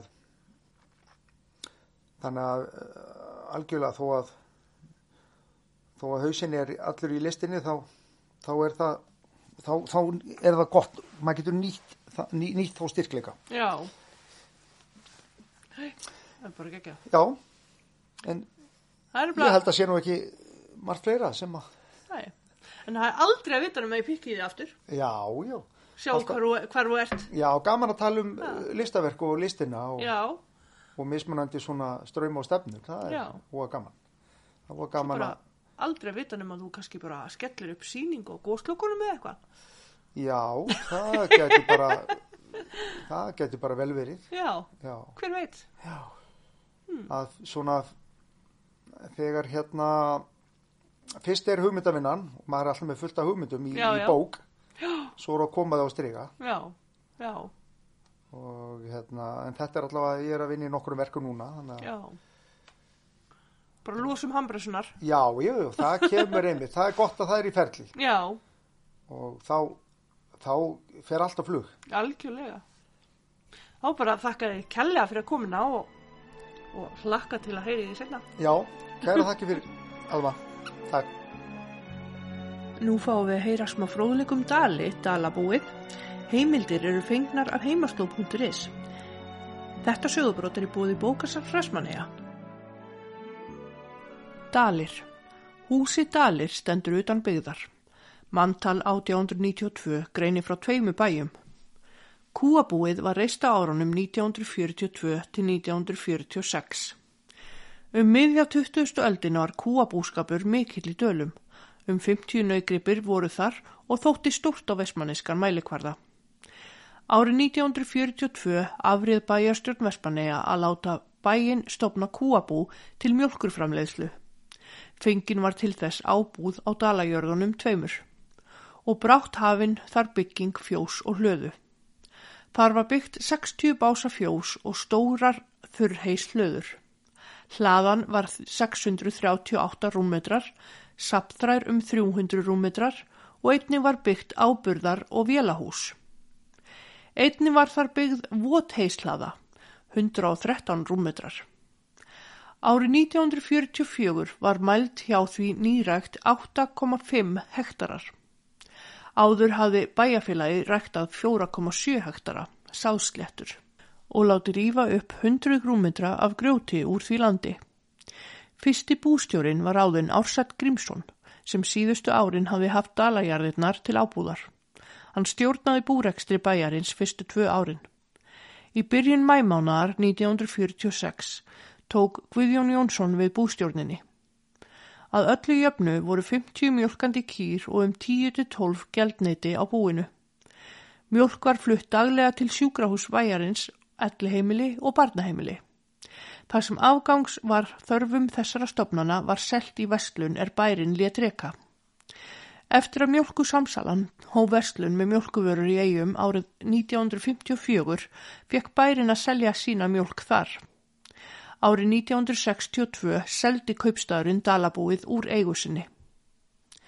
Um búskap í Dölum 1880 til 1905. Teksti þessi eru fórum Árna Árnasonar. Til Vestmanneja flutti vikuna eftir útileguna miklu sem var í februar 1869 Jón Jónsson, síðar hreppstjóri. Fættur 1842 og dáinn 1916 og kona hans Jóhanna Gunnsteinsdóttir, fætt 28. mars 1839 og dáinn 1. ágúst 1923. Þau voru bæði skattfellingar að ætt og giftust 29. oktober 1869 í eigum. Jón Jónsson setti stað á Vilborgarstöðum, Norðurbænum og þar fættist sonu þeirra, Jón, er síðar bjó í Brautarholti, fættur 15. júli 1869, kvættur Guðriði Bjarnadóttur frá Svaðkoti. Árið 1880 flutti Jón eldri að Dölum á samt fjölskyldusinni og bjóð þar eftir það, meðan hann syndi búskap, en það mun hafa verið til 1904 eða 1905. Þá fluttist hann í þorpið. En við jörðinni tók Jón Gunnsteinsson, bróðir Jóhannu, sem hinga flutti 1904 frá Vík í Mýrdal. Þegar Jón Jónsson flutti að dölum bjó aðeins ein einsetu kona í húsi því sem Jón flutti inn í. Kona svo var kölluð stutta ranka því að smávaksin var hún. Öll hús voru niður fallin og þurfti Jón að byggja þau upp til þess að komast þar inn. En í búskapartíð sinni byggði Jón húsin þrísvarsinum upp. Jón Jónsson bætti mikið og stækkaði túnin í dölum. Grjótgarður var hlaðinn kringum túnin og landegn jarðarina þar og var hann alls 300 faðma langur, tví hlaðinn. Túnin voru talin að stærð, dagsláttur, þar voru á fóðrum tvær kýr, tvö hross, 24 ær, 10-20 lömb, en í Álsei sem er leigumáli jarðarinnar voru 25 kindur, auk tveggja svo nefndra köllunasauða. Jón hafði hagagöngu fyrir þá sem þóknum fyrir það að vera umsjónamaður eigarinnar fyrir samegnamenn sína. Aðri sem leigumála áttu í Álsei voru jarðirnar stakkagerðin, tværjarðir eða völlur svo nefndur, Ólafshús einjörð, nýjubær einjörð, vesturhúsin tværjarðir og svo dalir tværjarðir eða völlur. Af túninu í dölum fengust 80 til 120 hestburðir af töðu, en það var hún ein af stærstu jörðunum eigana. Dalir höfðu útræði úr víkinni söður og eignaðist Jón bóndi fljótt fjögramanna far til útræðis þar síðra. Bátur þessi nefndist Dalbjörg og var góður bátur. Róið var á víkinni ávalt þegar á sjó gaf. Reri Jón ásamt tvei mönnum á bátnum fyrst, en þegar Jón sonur hans var 12 ára byrjaði hann að róa með föðu sínum á Dalbjörgu, svo að þeir urðu fjórir alla róðra. Áður hafði fjórði maðurinn verið með annað kastið, en engin fastur. Yfir vetravertíðina var ekki róið siðra, þá var róið niður í sandi, það er að segja í þorpinu. Yfir fugglaveiðitíman var heldur ekki róið úr víkinni. Þá voru allir við fugglaveiðar, svo að engin tími var til þess að stunda sjóin. Það er að segja ekki þeir sem fugglaveiðar stunduðu. En það var allur fjöldi manna. Engar fiskikrær voru söður í vík, svo að allan fisk varð að bera heim úr hverjum róðri. Bera hann á bakinu sem var bæði erfitt og mjög seinlegt. Ekki mátti reyða fiskin heim á hestum eftir höfudag. Þeir urðu að vera í góðum holdum undir veturinn, því að þá gengu þeir úti, að mestu sjálfala. Þeir þóldu því litla brúkun en það var þess vel gætt að megra þá ekki undir veturinn. Stöku sinnum tóku krakkarnir hesta í bessaleifi, því að oft þó voru þeir þarna sögu frá til fristingar þreytum krökkum sem báru þungar byrðir á bakinu. Er fullvel skiljalegt að krakkarnir stóðust ekki þessa fristingu og letu byrði sína á einhvern hestin part af leiðinni. En góða gát urðu þau að hafa á mannaferðum, ef ekki gatt farið illa, því að slík hesta besta leifi voru illa séð og gátu kostað all þungarefsingu. Já, það var betra að fara varlega. Þegar afli dagsins hafði verið borinn sunnan úr vík og heima dölum var gert að honum á túninu. Það var gert til þess að fá slóið og hryggina til ábyrðar á túnin. Síðar er hryggirnir voru orðnið þurrir, voru þeir notaðir til eldiviðar. Það gefur að skilja að erfitt hefur verið að bera fiskin með öllu slóinu sunnan úr vík. Vegir voru engir, aðeins fjárgötur og hestaslóðir. Aðstæður til þess að geta lagt af sér byrðina og kvílt sig urða að vera þannig að hægt vera að koma á sér byrðinni aftur. Þegar bori var sunnan úr vík var borið í einum áfanga frá lendingastaði í víkinni, norður yfir öyrin. Þar var hægt að kvíla sig.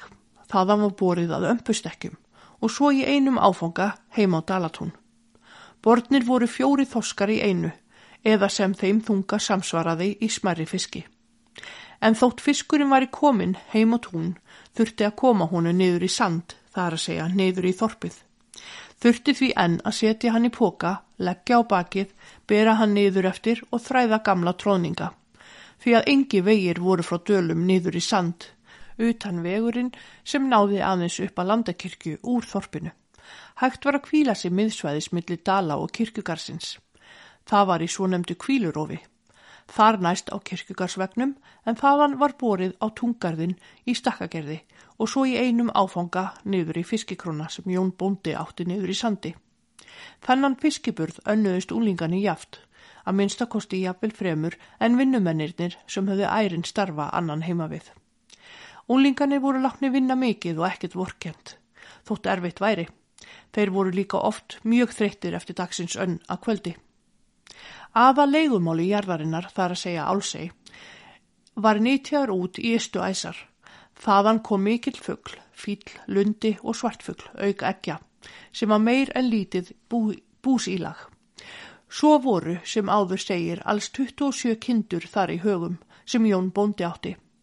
Jón Yngri fór fyrst til fuglaveiða í Álsei 1882 eða 12 ára gamall, var 13 ára á miðjum lundatíma, þar að segja 15. júli 1882.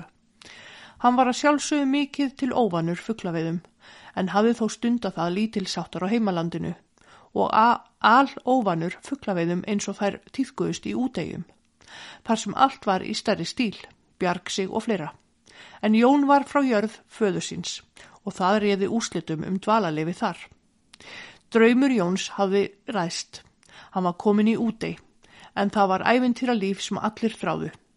Það var engu líkara en dvöl úlinga í útei, var hámark draumsjóna þeirra.